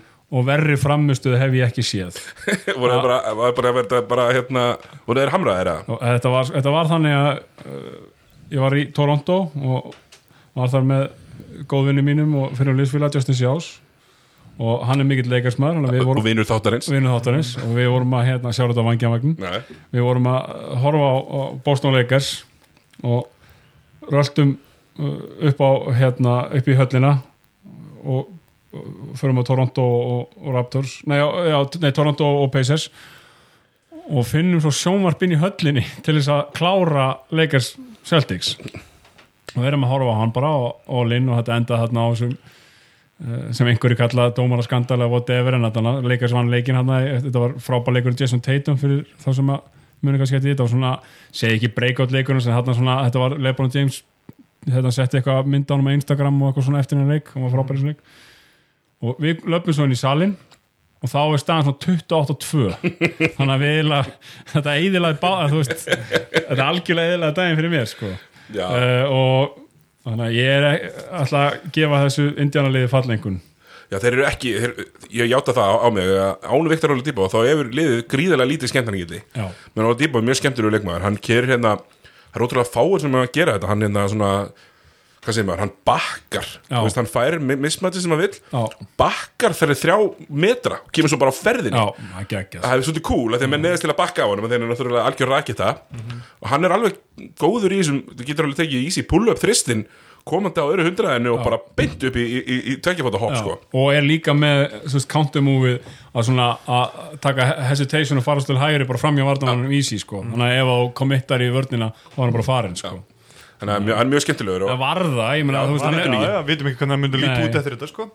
En þetta er náttúrulega skemmtilegt við Indiana innan svona, það sem maður getur hugsað um sem skemmtilegt við liðið er að það eru finnir leikmenn. Það eru náttúrulega tveir holiday bræður. Já, þrý TGR þrýr TJ-ar, vantar ekki nema fyrir um Indiana Pacers legendi TJ Ford. Já, já, til þess að svona fullkomna þetta endalega TJ Leaf, TJ Warren og TJ McConnell. Og ég get ekki betur séð Bucket, bucket já, ég get ekki betur séð en að TJ McConnell muni þurfa að spila greiðlega stórt hlutverk. Já, í þessari búblu sem svona þeirra svona set up leiksundandi sem að mér finnst þetta TJ McConnell bara svolítið góður í. Mér finnst fyrir að Delphi að sakna hans pínu sko er mjög, bara gæi sem svona gerir litlu leiðilegu hlutina bara og já, kasta sér í bolta Já. og svona dót sko. Uh, þráttur að vera svona almennt með óaðfennilegt hár meðan hann er að því. Hérna, það er kannski ekkit útrúlega mikið að segja um þetta Indiana lið, finnst okkur ekki líklegt að þeir droppi niður fyrir Philly Jú, Jú, mér finnst það mjög líklegt. Já, ég, þetta, Já, það ég væri myndi kalla skandall. það örugt sko. Já, ég meina án, sérstaklega ef við, ef við segjum það að Óla Dýbo er með kannski tveimur, þreimur á þessum áttalegjum, hann er náttúrulega aldrei að fara að spila alla sko. Þá er Philadelphia alltaf að fara yfir á Hvað hérna, veitum við hvað leiki er eiga? Indiana við getum hérna Bara sketsur hérna, googlum þá. Já, auðvitað smelti upp. Já, því að það er hérna uh, það verður mjög áhugavert að fara bara yfir hvaða leiki er eiga. Hvað þetta er ég með þetta hérna. Philadelphia það, og það er bara strax stór leikur. Það er strax stóleikur strax á Já. 7 á lögadaginn svo erum við með Wizards sem er eiga að klára. Svo erum mjög forutinu leikur á móti Magic. Já, ef að segja 95-90 eitthvað svona. Já, svo er það Suns sem er að klára. Uh, Lakers sem tapar líklega. Mhm. uh, Heat sem tapar líklega. Á útivelli stendur hérna. Já, Ekki. já. Uh, Svo er annar erður útileikur allarleið í Texas. Back to back. já, já, komnir í Toyota sendir hérna. Í uh, Houston og svo aftur Miami. Þannig að þú veist, þeir ættu þetta er hjá þeim sko. nei, ekki, sko. en þeir ættu, við erum að tala um þeir eru nánast með tvo, eða einn örugan í Wizards myndi ég segja og Sönslið er ætti að geta klára þá. Og ef við tökum bara mjög einfalda leið og kíkjum á Sixers schedule og bara, þannig að við erum að segja að þeir endi í Þú veist, ef þeir taka einn óvæntan þá er þeir í 33 leikjum sem Já. Sixers er með Spurs, Wizards, Magic Já, fyrstu ok. þrýr já, það er þrýr, ætti að vera þrýr sér þeir eru með fimm lið sem eru ekki inn í playoff myndinni núna Já. að keppa við sko. þannig að þeir eru að betra schedule þeir eru að betra schedule sko. við, við sláum því svona eiginlega föstu já, ég myndi, ég myndi, myndi kemur mjög óvart og þá erum við að- færum okkur upp í næsta lið sem að, sem að 76ers myndi þá mæta ef að þeir kemist fyrir Indiana. Og er líkindum. rosalegt einví Hæri rosa þeim ég, ég, mér finnst þetta mér finnst- Spútniklið vetraðins, já, eiginlega, spúndinlega vetrarins austan megin allavega. Ég er að segja það, já. Mér finnst hérna mér finnst hérna öll hérna tvö til tvö til, já, s- fimm í austrinu, mér finnst þetta interesting. Já, mér þannig að það er leiður að dæmt til að vera sko mjög interesting second round. Já, allavega og, og þetta, þetta matchup finnst mér bara pínu sexy. Miami mæta hérna nummer 6 í sókn og 12 í, í vörn. Og ef þið eru allir að hérna, hérna fyrir hlustendur eða ætla að dispjúta þetta með einhverjum ESPN tölum þá, þá er ég á basketball reference sem að taka út garbage time. Já. Sem að gera rauntöluna miklu, miklu svona líklegri. og hérna erum við líka- við erum biblían. Við erum líka búin að mikið að tala um, tala um lið sem að vanta leikmenn og allt þetta, hérna erum við að tala um lið sem er, sem er uh, tildulega heilt. Já, sem er ganga ágætlega heilit í skóar clear hierarchy í liðinu. Algjörlega. Og djúpir. Já. Mikl, Jay Crowder og Iguodala eru þarna nummer 9 og 10 líka við, sko. Mhm. það verður mjög það var alltaf ekki komið mikið reynsla á þeirra framlag til liðsins. Nei, því miður. Þannig að hérna verður gaman að sjá hvernig þeir passa hann inn, svo bara Duncan Robinson með þessi hand, með þessi handoff þrista. Rosalegur sko, Já. leiðin í báðar áttir skiptir engu sko sem er ekki, maður yfirleitt sér maður sko menn vilja fara helst í aðra hver áttina. Já, eins og, eins og til dæmis JJ Reddick vill vera leiðin til hæri þegar hann fer í þetta skot sko. Skiptir engum alveg fyrir Duncan. engum alveg fyrir Duncan sko. Og svo eru við náttúrulega með hérna, Rookie of the Year candidate. Tvo, tvo. Tvo í rauninni já, mitt. Sko. uh, í Nunn og, og, og Herro ég held að saga Miami liðsins í vetur er náttúrulega Jimmy Butler. Já, þú veist, Miami já alltaf, ok. Já, byrjar hann. Miami lið náttúrulega sko mætir inn sko allir maður ekki spáð um svona 40, svona 50, 50% lið, eitthvað svo leys Það það sögðu allir að þau myndu þurfa annan gaur. Og þeir eru 50 sér að lið Já. þú veist, í, í sko, í raun og veru í vinnis slutvalli já, það er alltaf Bam sem er búin að stígu Bam að Já, akkurat, og Bam hefur orðið í staðin fyrir að vera góður unguleikmaður er orðin legit stjörnuleikmaður og bara ekki ólíklegur í All-NBA liðin. Kannski bara fyrir freka nálandum hann er bara í, í droppinu sko, Já. í þriða liðinu fyrir Akkurat, og most improved uh, player kandidat líka Já, bara vinnur það líklega. og er svona kannski fyrir second roundið sennilega besti Jannis varnamaðurinn í dildinni já, en sko ég ætla aðeins, við erum að mæra hann. Ég dýrka hann, en hann er samt, þú veist, hann er 16 stig og 10 frákust í leik, sko, mm. 11 frákust. Hann er hothead líka, hvað sér ég? hann er hothead. En hann er, hann er líka, hann er með fimm stóðsningar Já, já, og er þr, næstu í þrjú stokks í leik sko. er- Þetta er statstöffer sko. En það sem að gera liðið líka svo gott er að Conan Dragic sem að maður sá ekkert endilega fyrir sér vera að geða til í að fara á bekkin er búin að vera geggjaður á bekknum. Já, 20 stemmhjölda Já, bara Hann er við- sjöttum að ásins Já, nála til þetta, hann er í, hann er í hérna þessum, þessum hóp sko. Og, og Það er eins og ég segja, það skiptir svo miklu máli hver er með boltan í höndunum í NBA í dag. Mhm. það geta verið með svona gæja bekknum og, þá, og þegar hann er inn og þá er hann með boltan í höndunum. Mhm. það er svo verðmætt En það sem að ég hef ágjur af þessu lið og það held, ég- held ég ágjur Erik Spolstra síðu það líka að þeir eru rosalega léttir varnarlega vellinum í, í frontkortinu sko. Nei, bak, í, hérna, í gardstöðunum sko.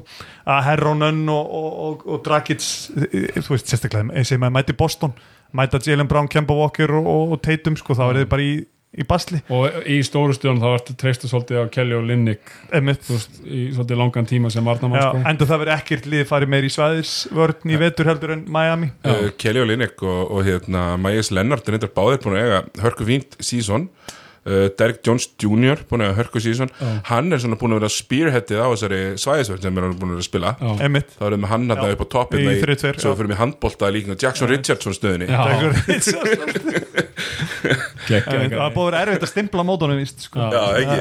Erfitt. er þetta stimpla já.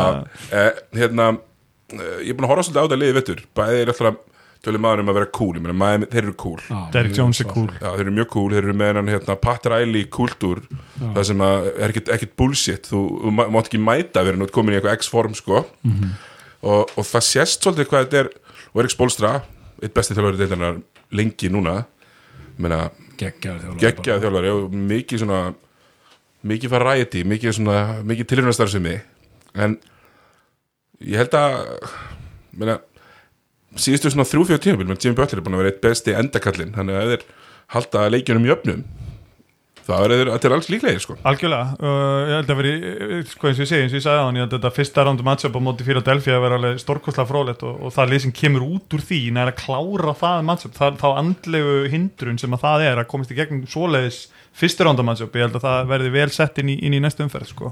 Já, og svo er lið sem að út af því að það er búið að vera svo mikið 90s blæti núna í, í Já. COVID lið sem er með leikmann sem heitir Duncan Robinson já, það er mjög það gott hlýtur bara að gera góða hluti Já. það er gott þetta mjög sko. gott það er gott sjátt sko.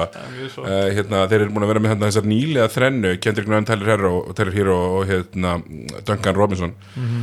og minna, ég held að Kendrick, Kendrick Nunn hafi verið hérna, nýlega mánaðarins ég held að verið alla mánuðina nýlega mánaðarins austamegin til dæmis, þeir eru búin sko. að vera mjög upplýðir það að nýliði sé að taka þú veist, tíu þrista í leik sko, er, er, er unheard of já, ég meina Duncan Robinson er að taka, hvað segir þau? tíu þrista í Já, leik. 45% nýting ég er að segja það sko. Þú veist þú þarft ákveðin, þú þarft ákveðin hérna, þarft ákveðin Kahonas. Já, mér er alveg svo kæft að myndist á hann Þú veist, við erum með ákveðið svona erfiðleika stig í þessum þristum. Mhm. Þú veist, þetta getur ekki standstil hérna, skitta Nei. alls ekki sko. Bara á ferðinni allar áttir og ég, ég veist það, ég fíla þetta hérna Miami, ég held að sé til allsliklir Já, klálega og også- líka, sko, sorry, grið fram mig og bara svona kl- klára með þetta því að eins og ég tala um, þetta er, þetta er svona HM feelingur og þeir virka eins og þeir séu lið sem að líkar vel við konan og það, að það skiptir ósvöldlega máli. Ég held að eins og maður upplifir með Sixers lið það virkar svona dysfunctional svona út af við. Það er alltaf sögursaknar um að Embiid og Simmons fíli annan það er einhvern veginn ekkert þannig í gangi í Miami. Þetta er svo, eins og þú segir þetta er, þetta er svona uh, clear cut hierarkía Já. í þessu það er góð kemistri að vera innan, Já. innan liðsins sko Já, meni, ég held að það sem svo ég rósi aftur í mínu manni Goran Dragic, ég held að hann spili risastóran part hana Mhm. ég er svona sjatna liðið og, og hérna gera það verkum að með 48 mínútur af svona kompetent leiðtóa inn á vellinum Já, svo skipt út að fá treytið í rauninni Dion Waiters út og Igudala inn sko, Já, ég held að það sé ekki að fara að gera klefandinn mikið verri sko. Nei, Nei, og, og líka þú veist, ég meina þeir losa sér náttúrulega við ekki bara Dion Waiters, þetta er líka hérna, James Johnson. James Johnson, já. Sem eru svona, eru svona uh, alternative gaurar. Já, það er kannski gaman að sjá eins og Derek Jones og þú veist, þessa gæja sem er einhvern veginn Justice Winslow, þessa sterku þrista sem einhvern veginn áttu sér ekki stað í deildinu bara fyrir nokkrum árum, þeir eru bara svona að finna einhvern veginn sína hillu. Það er svo gaman að sjá þetta. 100% samanlega, sérstaklega, sérstaklega líka að því að að Derek Jones er svona, hann er svona típa persónuleiki, gaman að svona, og náttúrulega hvað ég var að segja, einn mesti high flyer deildarinnar líka Já. og maður held að hann væri svona að týna sér í deildinni mitt svo er hann einmitt, eins og þú minnist það, búin að hérna, svona finna sitt svona, veginn, svona nýs einhvern veginn, Já. sem að maður sá einhvern veginn ekkit, ekkit fyrir sér að væri að fara að gera þessir svo kvölduðu tvínerar sem að maður var dæmd úr leik bara á drafti Já. það er ekki lengur þannig. Ég veit að gaman þegar maður læriði hvað tvínir var. Já. Eins og ég man, ég man alltaf þetta fyrsta tvínurinn sem ég heyrði á Stanley Johnson. Stanley Já, Johnson í djúið að það er sárt í Pistons maður. Í þína menn. Það var sko, sko gömlu tvínarnir voru voru rauninni uh, fjarkar sem voru þrista, í þrista líkamat Malik Rose og Já. Já, Já, svona, þe- það voru tvínarnir hérna í gamla daga en núna eru þeir bara vermaðastu leikmenn í deildinu sko. Við fengum eitt góðan tvínir í borgarnis í fyrra Andrew Jackson Já. Það er eins mikil tvínir að hafi komið í íslensku deildina sko. Mikill. þetta, þetta er svo gaman að þessu sko Ég er samanlega, minna Þetta er svona, þegar kombogard var næstu í skammarinni Já. að þú varst hvorki sko, þú veist, ásæða tvistur ég man minn, hérna sem við fyrir aftur í Pistons líkinga þannig að Rodney Stökki Já, Já, já, já, já, já. mikill mikill kombókar gríðalega mikil kombogard sko. Bill Simmons talaði um sko O-guard eða Zero-guard, þú veist, það er ekki, ekki ásætt tvistur úr null, sko, þannig að Gilbert Arenas er the ultimate svona gæði, sko og Steph Curry kannski Já. í þessi moldi sko. Já, en bara miklu skinsamari Já, og, bara betri. Þú veist, mér að fylgja að þú veist, fylgja skilgarningun á þeim var, þú veist, þú veist, með Tyreek Evans þú veist, með Gilbert Arenas þú þú þurftur að vera svona nett óskinsamur Já. líka til þess að eiginlega fá þetta á, á þeim tíma, sko. Pínu viltur Já, OJ Mayo. Já, OG Mayo. Shit maður, OG Mayo, ekki að sjá til hérna hérna OG Mayo, ég held að, ég held að þessi comeback sko. hann alltaf fór í langt livjaman uh, á sínu tíma og svo eitthvað svona skrítin meðsli og komið til Kína og þetta var uh, eitthvað voða, voða skrítin ferillin, ég held að þessi comeback uh, á, við sjóndættarhingin hjá honum. Ég get sagt það, að það, það er ekki langt síðan að ég fekk tölvupóst það sem að OJ Mayo var á lista hjá okkur um agent sko. bæði hann og Ty Lawson voru í, voru í bóði að reyna að komast til Európu reyna að komast til Európu sko. eða þú veist, það er náttúrulega aldrei komið til Ísland skilur en þú veist, hann var á lista hjá okkur um Það er ekki að fá tæl og Það er snilt sko. Talandi um að fytta í deildina sko. talaðum að fitta á B5 Já, að þú veist, ég meina eins og, eins og, eins og, eins og landskipið er núna með ameriska leikmennum, við veist ekkert hvað verður um þess að deildir er einhverju vitleysu sko. Þannig við, við ætlum að minga vitlisuna og fara upp í hérna þriðasæti það sem að aftur finnst mér koma svona levelskipting það sem að Boston Celtics sitja 43-21 uh, búin að hérna kláru tjömbilis síðustu 10-6-4 uh, sýnist mér og, og hérna eh, 5-5 fyrir ekki. Og bara mjög sterkir í vetur 23-9 heim, 23-9 um, heima og 20-12 úti. Þannig að bara þetta er ekkit fyll í rugl sem að vinna bara á heimahalli heldur bara steady Já, hún er að vera í smá meðslum Já, búin að vera í smá meðslum og, og, og hérna, nú kannski lestu og hlustar á fleiri Boston Celtics hérna, tengd- tengda hluti en ég. Já, þó, ég, þó, þó hefur nú alltaf gaman af hérna, Raining Jays hérna, hérna, sem er hérna, Lock- Lockdown Celtics sem ég hef pínu gaman af. Að það er hérna, Kemba Walker er pínu, er pínu svona óvissa með hann. Já uh, hann er náttúrulega það er Kristall. Eitt græn.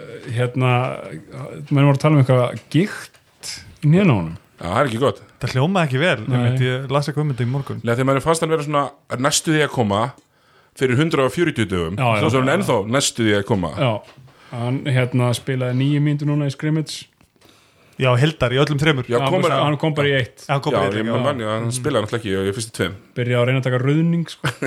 og, flott, Hann hefur verið að horfa á Kyle Lowry. Já, flott, við sem að Brad Stevens er ánægð með það. Já, flott, flott og kempa það voru hérna allir sjúkrahálfarnir voru stressaði sko.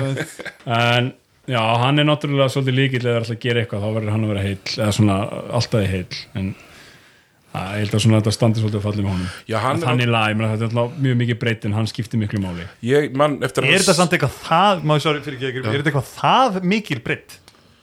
Celticsli, ef þú Já. horfir á rosterinn í, hérna, þá er ég ég að tala um sko, ok í þessum stöðum sérstaklega finnst mér ekki þarna sko, nei, nei, nei. ég er að tala um eða, sko, uh, fyrir mér er þetta með uh, ef þú tala um breytt og dýft. Ég já, mér finnst þið vant að dýft sérstaklega í bakara stöðunar en þeir eru með mikla breytt í sóknarleiknum. Út með Tatum, út með Brown, út með Hayward sem allir geta handla bolta, Marcus Smart sem að getur að líka. Mhm. uh, þannig að þú ert með raunni þrjá leikmenn sem legitimately geta tekið aðeins yfir leikin og svo Marcus Smart. En Kempa skiptir mér miklu máli að unlocka þetta allt. Já, saman algjörlega. Já, eins og, eins og hérna, Rapp Kristjáns talaði mi- mikið um hérna þegar, þegar hann var mig síðast. Er hérna þessi svona að í dag þá vinnur ekki mismats með því að hendur honum á póstinn. Nei. í dag vinnur mismats með því að brjóta niður fyrsta mann og þannig skapar þetta rotation á, á vörninu og Kemba er svolítið svo sem getur gert það. Já, ég man hérna bæði hérna múti, hérna, Lakers og múti Oklahoma hérna í, í, í leik, fyrirleiknum. Þá hönduðu eh, til dæmis sem múti Oklahoma þá hönduðu Celtics þetta Kemba Walker reynda að neyða Gallinari til að dekka já, og það kálaði vörðin í Oklahoma og Boston vann hann eitthvað þryggjastega sigur og, og það var svolítið það sem ön, önlokkaði þessu frekar heldur en að posta og, eins og við reynda að klára setnileikin, posta Jason Tatum upp á Chris Paul eða, eða, eða, Shea það er alltaf bara ekki hægt að posta upp á Chris Paul. Nei, nei, þingda pingdapunkturinn í öklanum skilir Já. en, en hérna þannig að ég svolítið sé þetta svolítið þannig að kempa svolítið svona líkilaði að, að fá, fá kannski auðveldari körfur Mhm. veist, með því að brjóta niður og Daniel Tice kannski sá sem að hérna hefur notið mest góðs að því. Hvað hérna núna, hvað segir maður? Ég held fyrir tímabil eins og ég heldur þetta fyrir hvert einasta tímabil og svo svona semi-afsanaðir það framan af að þeir verður alltaf í vandræðum í einhverjum varnafrákustum og eitthvað svona af því að mér þeirra rotationin er að pínu, pínu svona skrítin. Já, já, ég, en Daniel Tice er búin að eiga svaka sísón Já, ég, þetta er alltaf minn maður þannig að það er rosa margi mínum menn það er eiginlega gallin við þetta lið að hefða maður vill eða ekki að neitt fari.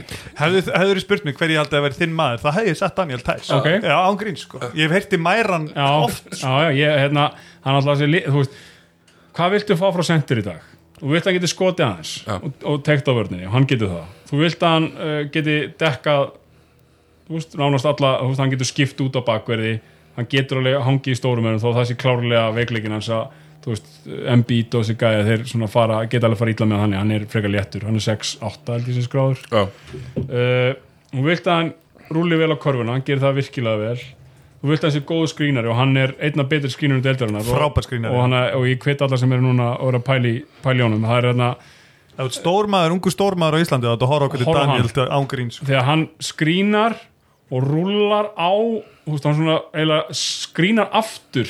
Já, já, tekur, tekur svona og að skrína að segir tveir metrar hann, lengt hann, er hann er rauninni, hann er að hugsa um að pinna þig hvert einasta skipti sem hann kemur Já, og svo þegar, og svo þegar hann rúlar og þeir, svona, þeir skipt og hann er litla mann á sig þá sílar hann litla mannin þannig að og hann og Tatum gerir það mikið. Að Tatum kemurst á skríninu Tæs rúlar og þeir búa til þú separation á milli hann að stóri maður þarf að vera Tatum. Tatum nær einu metr á hann.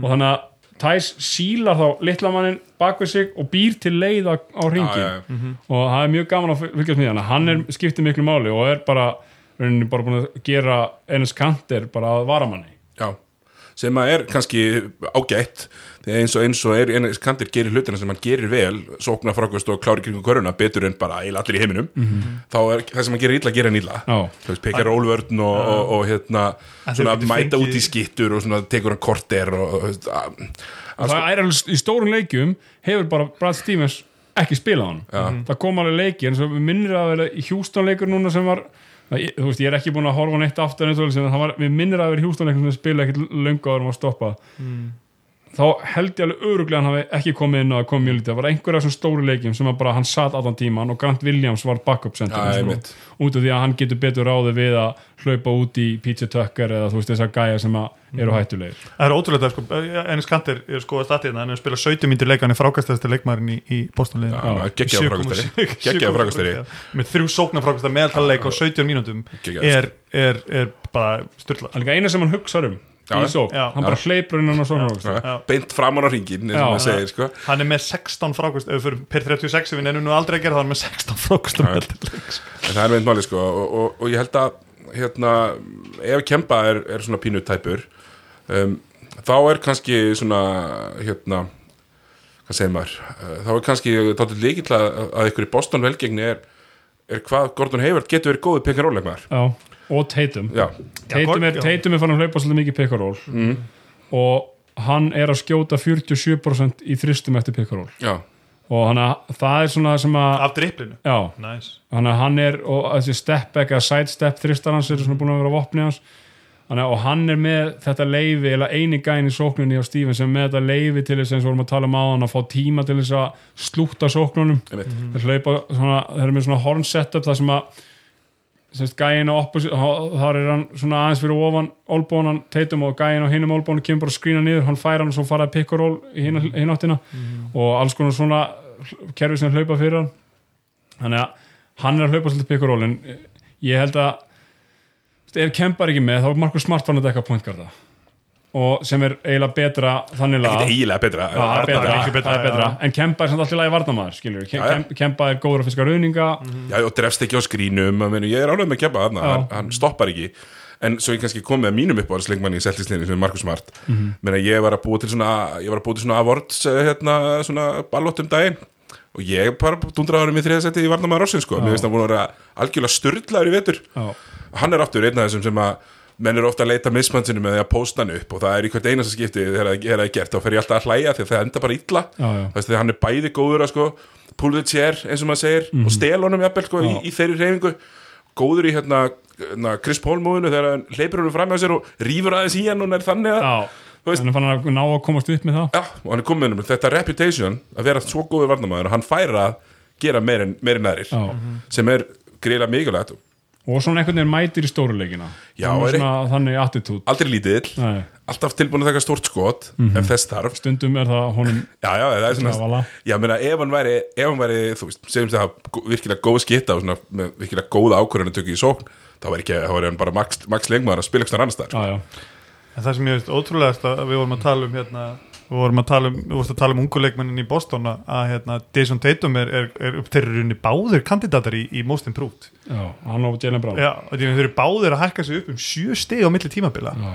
Þessir, og hérna, má ekki glemma þetta Jason Tatum fættur 1998 sko. já, já, hann er kottnungur kornungur. sko. hann er búin, að vera í dildinu og alltaf komin í leik 7 er í Eastern þetta Conference ekki- er þetta fjóruð ári hans þetta er þriðja ára hann er Ég- rúki komin í Conference Finals og móti Cleveland innan 2018 Já, og treður við Lebron. Já, Já. þú veist, hann er rauninni búin að vera relevant svo lengi að maður gleymir því ofta að hann er bara 21 á sko. Ég náði líka, náði líka einu leiki þeirri serju og ég tók ákvörðin sko, ég náttúrulega horfði á nánast alla leiki hérna, ég er búin að mörg ár að ég sór þess eið að sjá alla leikina með Boston meðan hann væri þarna og ég er ekki búin að missa af leik. Nei, og, í alveg tala Já, næs en ég hérna, hef alltaf gert það þannig eins og þegar ég var í brennslinu sko, þá vaknaði ég bara veist, rétt fyrir klukkan 5 og horfði á það semst án auglýsinga áður en ég fór í brennslinu sko. Mhm. og hann var svolítið þreyttur á leikdum en, þannig, en ég, er, sko, ég Jason hefur frábær leikmaður, en ég er hérna það er bara vest að hlustundi sjá mig ég er í Jalen Brown trey, ég er rosalega Jalen Brown maður líka, mér finnst hann frábær og hann, veist, ég held að sé samt ekki að taka neitt svona og taka í sko hvað að segja, uh, að taka ómikið mark á bublu, bublu hingað til en hann er búin að vera besti leikmaður bóstan og langbestur í þessum leikjum. Tilbúin, tilbúin um, það sem 20 steg 6 frákvist maður, þetta var eitthvað sem ég vissi, ég vissi ekki hann að vera svona góður ég veitur Nei, nei, alls ekki, ég held hann er hérna, 14 stegar maður eða eitthvað sko. fyrir að 28 stryggja ég veist Jalen Brown einmitt hafa verið mjög öflugur í vettur Mér var samt að þetta er árið sem að Jason Tatum fannst mér svona að taka yfir sem aðal kallinn já, já, og það er svolítið vegna, kannski vegna þess að hann Jason Tatum er með svona ballhandling hérna, skills sem að Jalen Brown mun aldrei vera með sko. já, já ég er alveg sammálaður einhver leið sko, hérna, En það er attitude í Jalen Brown það er- stjörnu attitude þarna það er svona Það er svona barátta fyrir svona félagslegum breytingum, Já. hann er svona samfélagslega þengjandi, Brown, já, já, já. án þess að vera eitthvað svona question everything, Joe Rogan, hérna, Kyrie Irving Kæri Irving Já. filosofi skilur uh, alltaf í short shorts sem að ég kann mjög vel að metta líka. Þannig að Jalen Brown er mjög svona það er auðvelt að halda með honum. Já, og hann er vist fluggáðar, hann er einn af þeim gáðar sem bara hafa komið klætt í grænt sko. Og skemmtileg típa hann hérna með bólhendlingi hans hann nefnilega er svona straight line driver er hann, og hann er svona með alls konar svona hreyfingar til hliðar og getur og, og, og, og tekið hann svona eins og hann gerði hérna í jóladagsleiknum á móti í Toronto þá sprakk hann svolítið út og þá var hann að koma á ferðinu og svona stopp on the dime og draga hann tilbaka. Svo er hann bara með alls konar svona vopn í kringu korfinu sem eru skemmtileg en það er eitthvað sko munurinn á þeim er einhvern veginn að Tatum nær meira að unlock allt sem hann er með oftar. Já, það er svona Brown á erfiðara með að fara í þessi múfsín sem að hann á, ég veit ekki alveg svona hvernig að útskýra, það er svona er einhvern veginn óhrættar við að fara í vopnabúrið en mér veist Tatum oft sko, eða oftar dræfa sig í vesen sest, þú veist, og það var sérstaklega í fyrra það var kannski svona það sem að maður pyrrar út í hann á síðustu leikti það var svona, hann keirði á körfuna og sá ekki alveg endan fyrir sér. En mér veist að núna verður að fara að gera það betur og nota hann alltaf. Ég var bara að horfa einhver highlight með honum bara núna um daginn, einmitt frá þessu eða hérna 2018 Já. Mhm.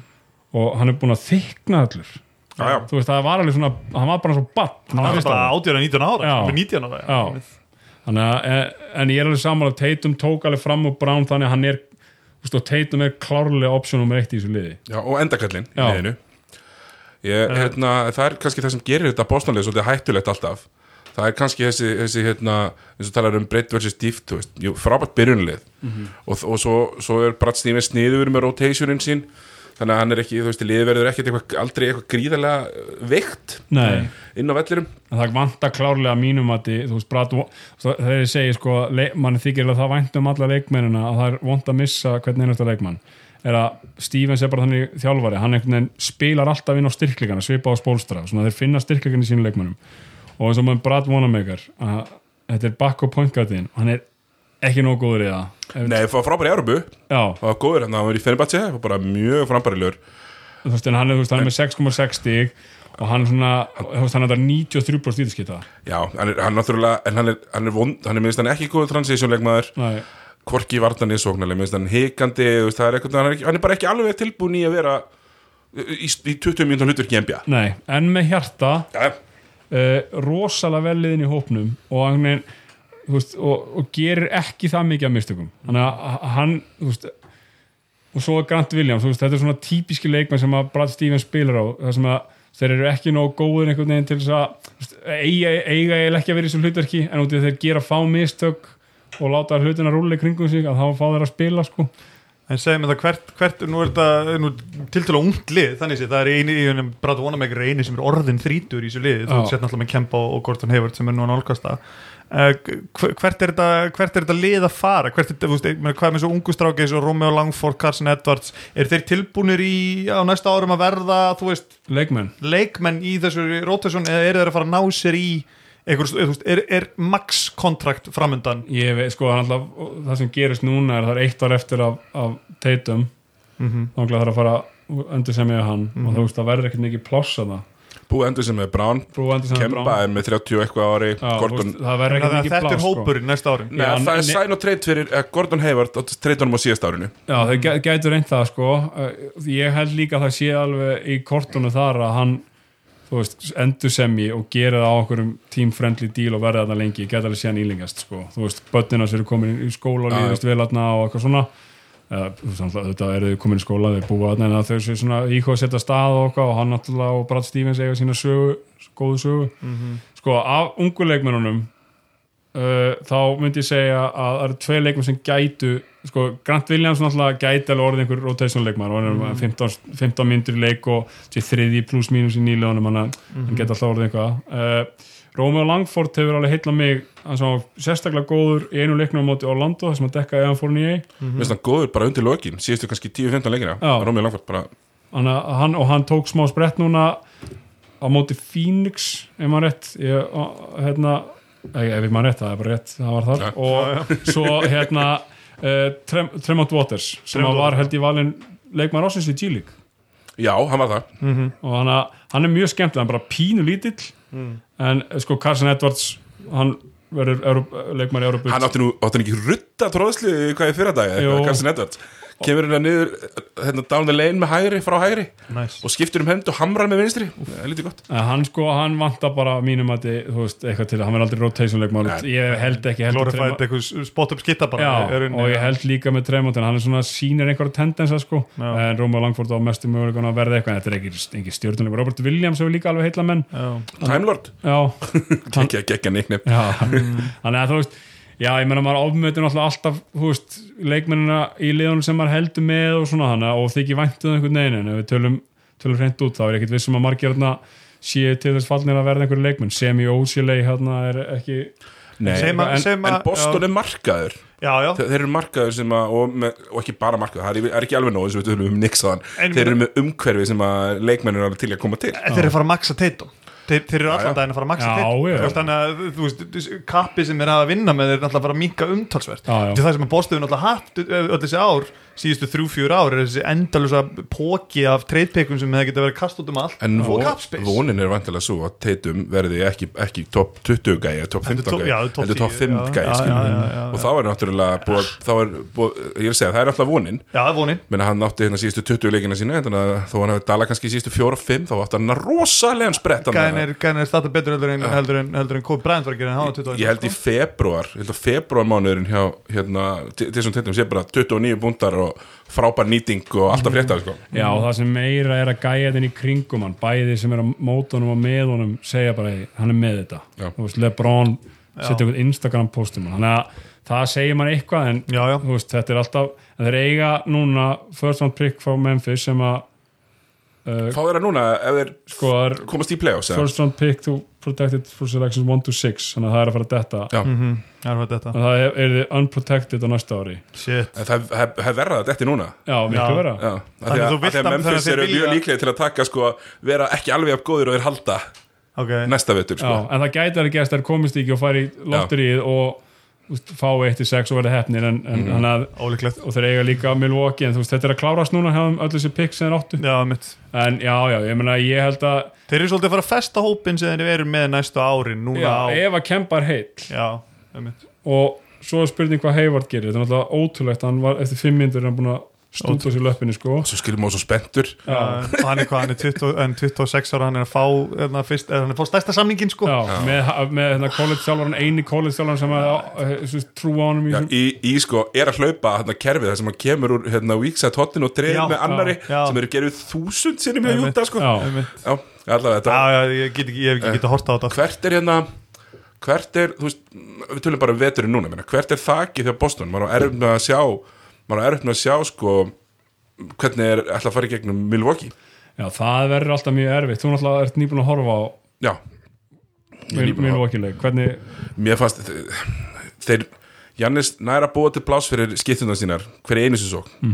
Uh, mér veist hérna kannski, þú veist eins og Toronto gætt gert með þessa ótrúlega löngu smart varnamenn í fyrra það sem er byggð bara doldin vegg og, og skiptundar hjá Milwaukee náðu ekki að refsa þá og menn eru eitthvað, eitthvað pínu litlir í sér, sindismanni sko. Já, um, mér finnst þeir eru ekki með svar við á einhverjum ástöðum, hafa þeir einhvern veginn aldrei með svar við Chris Middleton. Nei. Hann hefur alltaf verið geggjaður á móti Boston. Já, uh, og þeir náttúrulega sko, líkil mennirnir 2018 þegar Boston sló Milwaukee út þá voru Aaron Baines og Al Horford þetta báði farnir sko. já og svo áttu náttúrulega Terry, Terry Rozier rosa Já, um, en ég er að tala um sko í vörninni Já, já. að í þessum vekk sem þeir byggðu þeir lupi bara nýra á vítalínu og hendunar út og svo bara voru eiginlega bara manna Já, bara bro. Já, uh, annarkvort skýtur yfir ykkur eða við keirum þið niður sko. Þannig að það verður alltaf vesenni það og þeir mattsa heldur ekkert eitthvað voða vel upp á móti fylli sko.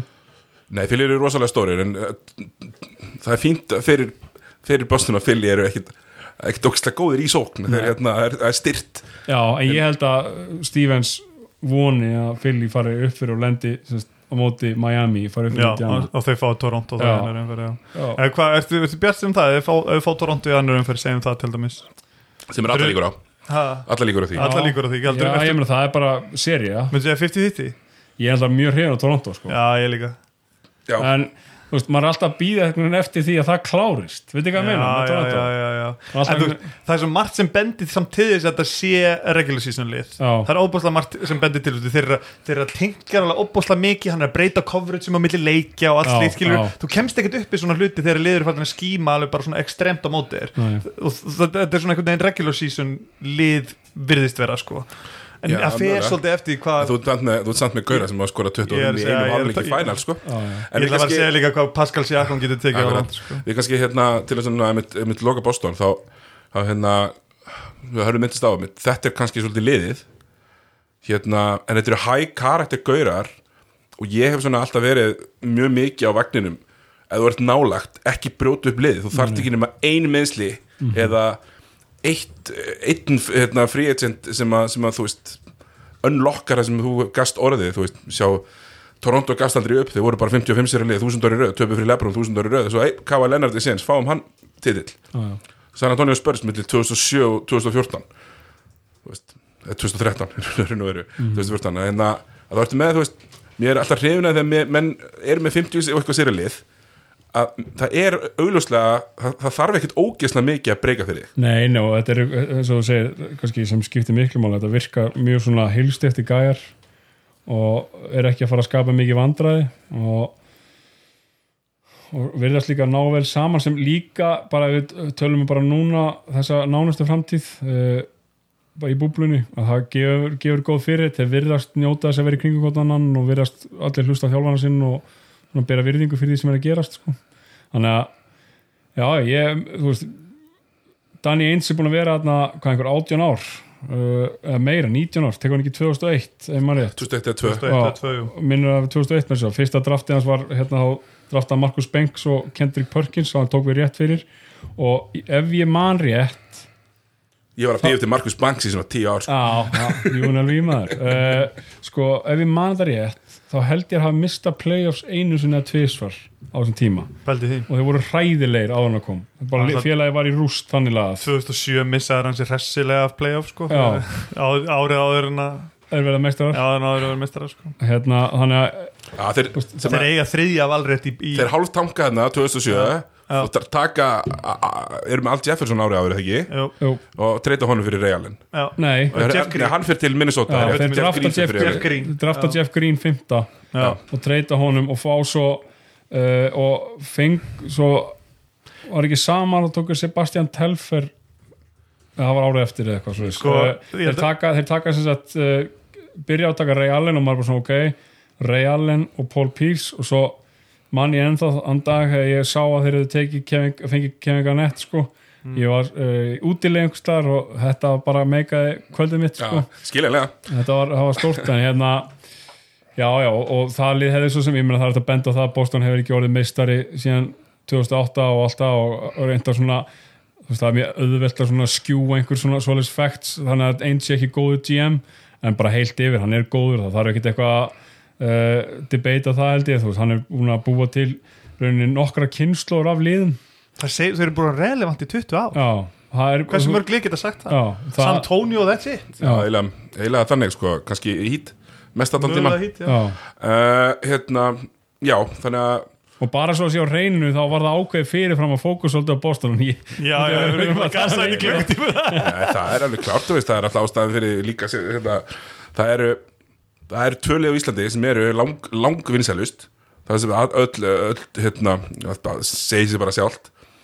Og hérna, fengum Hrapp Kristjáns náttúrulega síðast til að tala um leikir síðan hálftíma, fínt að fá kjartan til að tala um leik, hérna Boston í hálftíma. Það er bara gegja, Já. en það er líka bara gaman að fá svona okkur einsýn frá aðdáanda. Og svo ég segi bara svona sjálfur ég held að það er verið hamraðir af Milwaukee ef þeir komast svo langt sko. Ég hérna sé mitt Daniel Tysons flottur og hann er. Þetta er, þetta er versta mögulega matchup sko. Já, hann er ekki hann, þú veist, það verður bara erfitt fyrir að stoppa Jannis ég veit ekki alveg hvernig það að gera það Nei, ekki, ekki bara það heldur. Hvernig, ég heldur ég muni erfitt með að skora af því að Brook Lopez kampar inn í teik og Tys eins og, eins og kannski Al Horford skinsamur í sínum skotvæli hann, hann mun aldrei geta teikt teikt Brook Lopez í burtu. Nei, það, ver, það sem verður eiginlega líkildin þar er bara, þú veist, hvað geta þú veist, Tatum, Brown, Hayward og Kemba Walker gert á móti hinum fjórum. Nákvæmlega. Ef það er alltaf að gera eitthvað þá verður þeir eiginlega allir að vera on their A-game, þannig að ég held að veist, ég var nefnd að hugsa reyna að setja einhvern svona prósentu líkur á veist, að þeir komist í úslit Þú veist, ég veit ekki veist. 5% nei, á maður kannski á svartít 15 Já, eitthvað svona þeir eru eftir að hafa margt að gerast en maður er líka eftir að sjá bara hvernig þeir koma og þetta er HM feelingur eins og tölum við um hann þannig að getur allt smolli þannig að í, eh, með grænu glerugun á nefinu þá trúum við alltaf á, á því besta. Gekja, herri, við ætlum að fara, fara ykkur til Kanada og það er hérna að mæta Tornado Raptors sem að missa frá sér Kava Lennart og, og Danny Green uh, fyrir tímabilið. Og hérna en, en, en Masa Ujiri og, og, og Nick Nurse einhvern veginn á að draga alls konar gæja Boucher og Terence hérna, Davis og hérna, svona bara einhverja gauðra. Þeir eru 46 og 18 uh, nummer 2 í vörn 14 í sókn. Þannig þeir áttu bara svolítið gott í ömbil ekki það, ég held ég að við spáðum í sko, alveg- 50 sérum sko. Mér finnst þú meir alveg vera pínu meira hyperból Við erum að eftir okkur því að það verður ekkert lið sem eru mistari í sögunni, mist leikmann MVP-in sinn Nei, en þetta er samt- ok, ok, ok, og haldi sér relevant. Ok, hörðu, þetta er samt sama liðið og var áður en á árið áður en Kava Lennart Já, það er því, en 46 átjón samt. Við erum að tala um liði í öðru Já, sæti 55 sér, þeir voru það líka fyrir. Menn Kava Já. Lennart er, eins og ég hef sagt á þér besti málaliði sögunar Já, hann er ekkert partur af liðinu, hann er bara málaliði. Að þú ert samt líka, þú ert með Marka Sól 35 ára þú ert með Mhm. Kyle Lowry 34 ára þú ert með mm. Sergi Bakka komin í 30 skilur þú Já, já. líka með gæði sem eru konin þessi, þessi háttu er, aldrei. er þetta ekki fyrst og fremst áfællistómar við Demar DeRozan Ég held að þetta sé fyrst og fremst áfældumur Demeter Rosan, en það sjáu þið bara ekki Lamarcus. Aldrei stettur út hjá Spurs og enginn gefur þeim neitt sens Nei. það er enginn sem segir, já ok, Demeter Rosan kannski á nokkur að þrjá, nei, bara ekki, ekki neitt sko. það sem ég finnst svolítið impressive við, uh, við Raptors ekkert svolítið, það sem ég finnst kannski skemmtilegast við þá er hvað stíga alltaf mismjöndi gæjar að bekknum upp og eiga svona stórleiki uh, þú veist, Chris Boucher hefur tekið við leiki. Þú veist, með OJ Anobi sem hefur geggjaður. Já, John Obi er orðin bara svona varnarlið ársins kaliber já, af frábæleikmaður Fred Van Fleet er actually orðið bara legit Já. leikstörund í sér deilt Já, og þú veist það er alls konar Terrence Davis er flottu spilari. Og þessi gæja svona með góðu millibili taka, og Norman Powell þú veist, Norman bara yfir góður við Já, og, og svona það er rosalega erfitt að átta sig á hver er að fara í að góðan leik hjá þeim og svo ertu líka með þessar svo í sletti, selfless stjórnur í Kyle Lowry og Marka Sol sem að er algjörlega drullu sama hvað þeir skora. Algjörlega. Sérstaklega Marka Sol honum gæti ekki Nei. verið meira sama. Nei, ég, meni, ég man eftir hérna menn Rikki Rúbi og fekk hérna MVP á HM ég horfði á alla leikinu á spánum og marka svo langbestur fannst mér sko, á þessu móti. Þeir eru, þeir eru meistrar að segja, sko, erfmeistrar fyrir ekki mm. uh, heimsistrar, sorry. Uh, já, Marka Sól hann líka, hann gefur þeim svona þing, þungara manna stoppara það er náttúrulega einna, vera einna bestu stóru varnamörunum í tildinni í meirinn áratug. En auðvitað, þess að maður segir, þú veist, það er hvar er að stíðin að koma í lokin þú veist, hver, hver, er, hérna, hver vinnur jöfnuleikina? Því að, að því að stjartan í liðinu Pascal Siakam sem vera bestur hjá þeim í vetur og kom sko, sérstaklega fyrstu 2-3 mánuðin á tíðanbölinu var hann bara gjörsanlega styrlaður og, og ég var hann að fjálglega þú veist, að, að, að setja hann bara hann upp í top 10 listanum, listanum mína og svona. Svo talaði svona aðeins. Eðlilega? Eðlilega sko, Aðeins. en ég held að þarna ertu líka með sko eins og, eins og talaði maður með, með Boston með, high, svona, high, eins og því voru með, með high character göra það er ekki með vesen. Það er clear svona emotional hierarchy þó að sé ekki endilega sko stegaskorunar hierarchy. Þá er leikmenn eins og Kyle Lowry eru greinilega gríðarlega mikilvægir í þessum, í þessum varnarfæslum hjá Nick Nurse er alltaf að breyta og spila box og einn og, og alls konar, alls konar dæmi hérna, að því að allir í þessu bestu line-upunum þegar þú búljar það ekkit með einhverjum grönnum grönnum væng sko. Nei. Já, Þeir, þeir, já, þeir eru einhvern veginn fitt varnalega til þess að geta varist svo mörgu. Þeir eru með, þeir eru með athletic langagöra í Anobi og Pascal Siakam. Þeir eru með góða gardvarnamenn í, í Van Fleet og sérstaklega Lári uh, og svo eru þeir með þunga stóra gæni teg eins og í Bakka og, og, og Gasol sko. þannig að þú getur einhvern veginn kasta varnarlænupum, þeir geta kasta varnarlænupum út sem geta tengjirað og mix, mattsa á móti svo mörgum liðum sko og þetta lið á móti, á móti Milwaukee er, er mitt bett fyrir, fyrir það lið sem á mesta möguleiki þá sko. Já. sem er það getur sérstaklega mikið hot take sko, sem annar lið í deildinni en samt uh, og það sem er líka við þá og ef við bara pælum í öllum þremur efstu liðanum í austrinu þetta er allt frábæri þjálfarar. Já, þetta er allt þjálfarar sem að geta rauninni haft áhrif sem er mjög mikið þegar þú tala um þjálfari í NBA að þjálfarin geti haft einhver áhrif á seríu. Þeir geta allir gert það. Já, maður sér svona, maður sér bara fingraförin hjá þessum þjálfurum á liðanum sínum Já. sem er ekkert, ég, ég get ekkert endilega sagt þér þannig með öll lið Nei. en þannig ertu með bara svo ég segi, þú veist, alveg svona augljós áhrif og þú talar um breytingar með seríu, menna Nick Nurse er ekkert óhrættur í seríu á móti kannski segjum Philadelphia það sem að segja svo, herru, heitir Marcus Hall bara í vandræðum. Kannski á móti Boston eitthvað sem er með litla kannski ekki stóra, stóra miðherja mm -hmm. í einhverjum smá vandræðum. Þá, þá bara er hann alveg til að spila honum ekki já, já. veist, og enginn verður reyður eða, neitt sko. Nei, að það það er bara, þetta skiptir málið að gegnum tíðina hefur hafa verið mjög fáir þjálfara svona, ekkert gegnum tíðina, bara svona undanfærin ár og frá að við kannski byrjum að fylgjast með. Það er ekki oft sem að vera með marga þjálfara sem geta einmitt haft þessi áhrif á þessar seríur og skipta þessu máli, yfirleitt þegar tala um þjálfara þá er hvað eru lélegir einhvern veginn, Já, já, já, já. bara ekki skemma fyrir ekki, okkur. ekki hafa neikvað á nei, nei, akkurat, farðu get out of our way, Já. pínu. Ég er sammála því, hérna mér veist hérna minnst Toronto er mitt út af þessari svona sk sk skemmtilegu leikmannablöndu þeir spila bæði vel hratt og hægt. Geta einhvern veginn eins og tölum um mann breytt hérna, leiki varnalega en svo er bara kannski spurningin eins og við tölum um sko, til þess að klára leiki menn Pascal Siakam jú, jú, hann er 36% þryggistæðskita, hann er ekki góð mi- og ekkert manni þetta ekki rétt, var hann ekki alltaf below the break, var ekki mikið þar eða? allt Jú. below the break og allt standstill ekkert af dripplinu eða þannig sko. Nei, rosalítið út úr einhverju aksjóni þar sem hann er að skapa sjálfur Já. sitt eigi sko.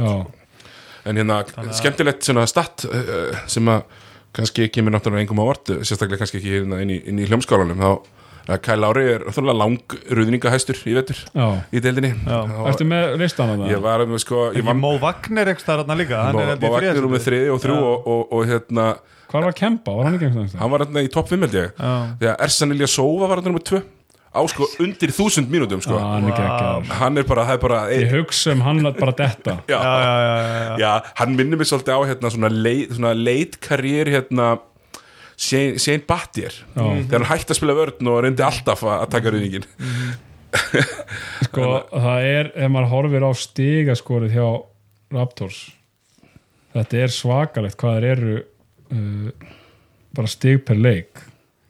Já. hvað, er með marga leikmenn sem er að skora? Það er það sem, þú veist, munið eftir seríinu sem spiluð á móti, móti Philadelphia í fyrra, þetta var bara hundaslagur. Já, þetta var bara varnarleikur út í eitt svona verður serían þeirra á móti Boston og á móti, móti Milwaukee sérstaklega. Sem er ekki, sem er betra varnarleik sko. Já, í rauninni og, og veist, og Milwaukee við, við tölum kannski um það eftir. Ég eftir að sjá, þú veist, ég eftir að sjá hérna, Bútinhúsi kemur með afsökunin eftir að það tapa mútið Toronto fyrir, já, hérna líkil menn hjá okkur voru ekki hitt og þristum. Sorry, ef það er afsökunin þú tapar í Eastern Conference Finals, þá áttu með vandamál í liðinu þú veist, að Nikola Mirotic var með einna fjórum í einhverju leikjum er ekki ástæðan fyrir þú tapar á móti Toronto í fyrir sko. Nei, það er það ekki. Þeir, þeir, þeir eru Það uh, það er 23,60 á Siakam 19,7 á Lauri 17,6 á Van Fleet Einmitt. uh, Norman Powell með, Nor Norman Powell með 16,4 Ibaka með 16 Einmitt. Og OG Anunobi með 10,7 þarna er og þeir eru Marcasol Markasól með átta inni sko. og Terence Davis líka. Já, veist þannig að ég skil hvað það meinar ég veit ekki hverju krönstæm skoran þeirra en þetta er, þetta er fyrir mér er þetta, það er þetta að nægilega þú getur stoppað ógnin af Janis það er hægt, þú veist, með því að skíma rétt á mótum eins og Toronto síndi fyrra. En þetta er miklu, miklu einhvern veginn, að ég veit ekki, veist ég, ég ætla að setja Toronto í, í hérna, úslit og það er bara, það er bara þannig. Það er hot það- take sko, sko, ég er ánægð með þetta. Eina eitt sem ég langar að ræða sem tengist svo sem líka Milwaukee. Við erum með hérna, heimavallarekordi hjá, hjá. Raptors já, og Milwaukee? Já, við erum með sko, ég, ég Sko- myndi tippa á Raptors er bara lið sem vinna mikið, þau vinna líka útivelli en mm. heimavöllin á Raptors er eru Raptors eru 23 og 9 og 23 og 9 sem sagt 23 og Já, 9 heima, ok, 23 ok. úti en þetta er rétt sko, heimavöllurinn á Bucks er 23, 28 og 3 sko, þeir eru ennþá betri. Já, þegar sko, ef við notum aðrar íþróttir sem uh, svona mælistiku þó við erum að spila í búblu en heima, heima úti alltaf skiptir engum máli. Og það sem gerist var eins og í fótboltanum. Ég la, ö, skoða einhvern veginn statistik þegar búndislíkan komið vel á veg og ennska deildin nýbyrjuð. Er að það hætti að skipta máli, það skiptir engum máli núna hvort ert heimið úti. Nei, þannig að fór, fór að pæla hvort að bestur í fylli Já, er, já, reyni, Eða og, og, og, en bara hvað heima öllum því ég, það er ekki langt síðan ég var á leik í, í Kanada og hvað er sturlaði stuðningarna sko, og gaman að koma þarna og sjá hvað Toronto borgin elskar Raptors að einhvern veginn veist, kannski að það hafi einhver neikvæð áhrif á ég veit ekki, að þeir hafi svona flóið hátt á þessum áhuga. Það er engin, dreik á hliðinni. Nei, en mögulega, mögulega náttúrulega veteranlið Já, mjög veteranlið, en kannski kunna þetta. kunnari, kunnari og tilbúinu. Við hérna, Hörður segir að fara í úslit ég ránaði með þetta, við ætlum að vippa okkur yfir í mín, uh, mitt lið sem fyrir augljóslega finnst mér beint í úslit úr haustildinu, það eru Milwaukee Bucks sem eru búin að vera langt bestir í Getum í við, við sett eitthvað á þetta í einu útsetningu? Já, já, 500 kell uh, Bucks eru hérna nummer 1 í vörn og það er ekki close og nummer 7 í sókn. Uh, 53 og 12 komand inn og þeir töpu fjórum að sístu tíu því Jannis var meittur Já, áður en Jannis meðist þá eru þeir sko hvað var það, 50, 52 og 8 eitthvað svona, bara historic uh, er bara eitt pace eitt af bestu, bestu hérna, regular season liðin sem við sé Já, ég meina þeir eru með nettriðing upp á 11 þeir eru bara með sturla lið Já, Mike Eh, Budenholzer er líka frábær regular season tölvar frábær. Hefur alltaf ennþá sínt að sé frábær regular season já. en Ég, ég er með tölfræðina sko. ég þreytist samt ekki að minnast á sko að koma hérna svona þú- svo ég lömið því að í svona miljónast skipti að Já. Milwaukee eru 2-0 yfir sko. Á móti Raptors tapa leik þrjú í overtime og tapa svo seríun í 4-2 sko. Það ekki út í að Mirotic var einn af fjórum? Jó, bara þetta mýrið til þessu Alveg, ef, já. ef, ef þeir vinna þann leik Já, þeir átt að vinna þannig ef þeir eru út að vinna þann leik allan daginn þá eru konur í 3-0 serían búin og þeir eru konur í finals. Já. Að þetta það er er skil Akkurat, það er stort uh, skamra högg á milli. Þetta greinlega hefur Og að má, ekki glemma því að Janis var ömurlegur í Já. þeim leik. Gjörsa, Hann tók 16 skoti í öllum leiknum. Já, nákvæmlega. Hann var ekki tilbúin hérna, þeir uh, mæta hérna eins og ég segi, þú veist öll, öll svona liða tölfræði höfvið, og eru Bucks búin að vera besta liðdildin í vitur öll einstaklingstölfræði sér að Jannis er búin að vera besti leikmarin í vitur hérna, Chris Middleton er að- enn og aftur að skjóta sko 50, 40, 90 svona alltaf því, þetta sé 80 er komin yfir 90 í þristum, já hann er komin yfir 90 í þristum hann er, hann er 90 þristum eh, Já, hann er 90,8 hann er sko. Já, vítum, já. hann er, hann er sérst fyrir er með 49,9% fylgól, Ah. þannig að hann þarf að, þarf að vera yfir 50% eða séu þrjú skoti eitthvað sem, sem hefur þurft að detta. En þannig eru þeir búin að fá, minnst þeir eru búin að rívampa bekkin sinn pínu. Og þeir tapa náttúrulega Malcolm Brogdon til Indiana. Með George Hill hann Já, George Hill sem er búin að vera virkilega góður og hann er í krönstam lænupinu þeirra þegar Erik Bledsoe menna, þú mátt ekki geta saggað svona mikið af Jannis og menn geta saggað af Erik Bledsoe. Og Erik Bledsoe líka er ekki hann er ekki að kapna úr því að reyfa sig án bolta heldur. Nei, nei. mér finnst Dante Divincenzo búin að vera geggjaðir í vetur. Hann er einhvern veginn alltaf stígur upp. Ég fíla hann að gæða alveg gæða sko. og, og er hérna svona árættur að taka stór skot án þess þó að taka heimskuleg skot sko. Þeir fá svona veteran presence í Wesley Matthews líka. Fá svo Marvin Williams á þinn já, Mari Viljansin er alltaf svolítið óskrifa blaðana hann var alltaf búin að koma, koma við sögu Nei. þú veist. 11 leikir. Já, akkurat, uh, spila ekki það mikið en, en ég hérna, er mjög ég er mjög spennt fyrir að sjá hvernig, uh, hvernig Búdunum sem notar hana, því að það er svona kannski þessi prototypikal stretch fjarki Já, og það er auðveldur að púsla í kringum gæja eins og Jannis þú veist.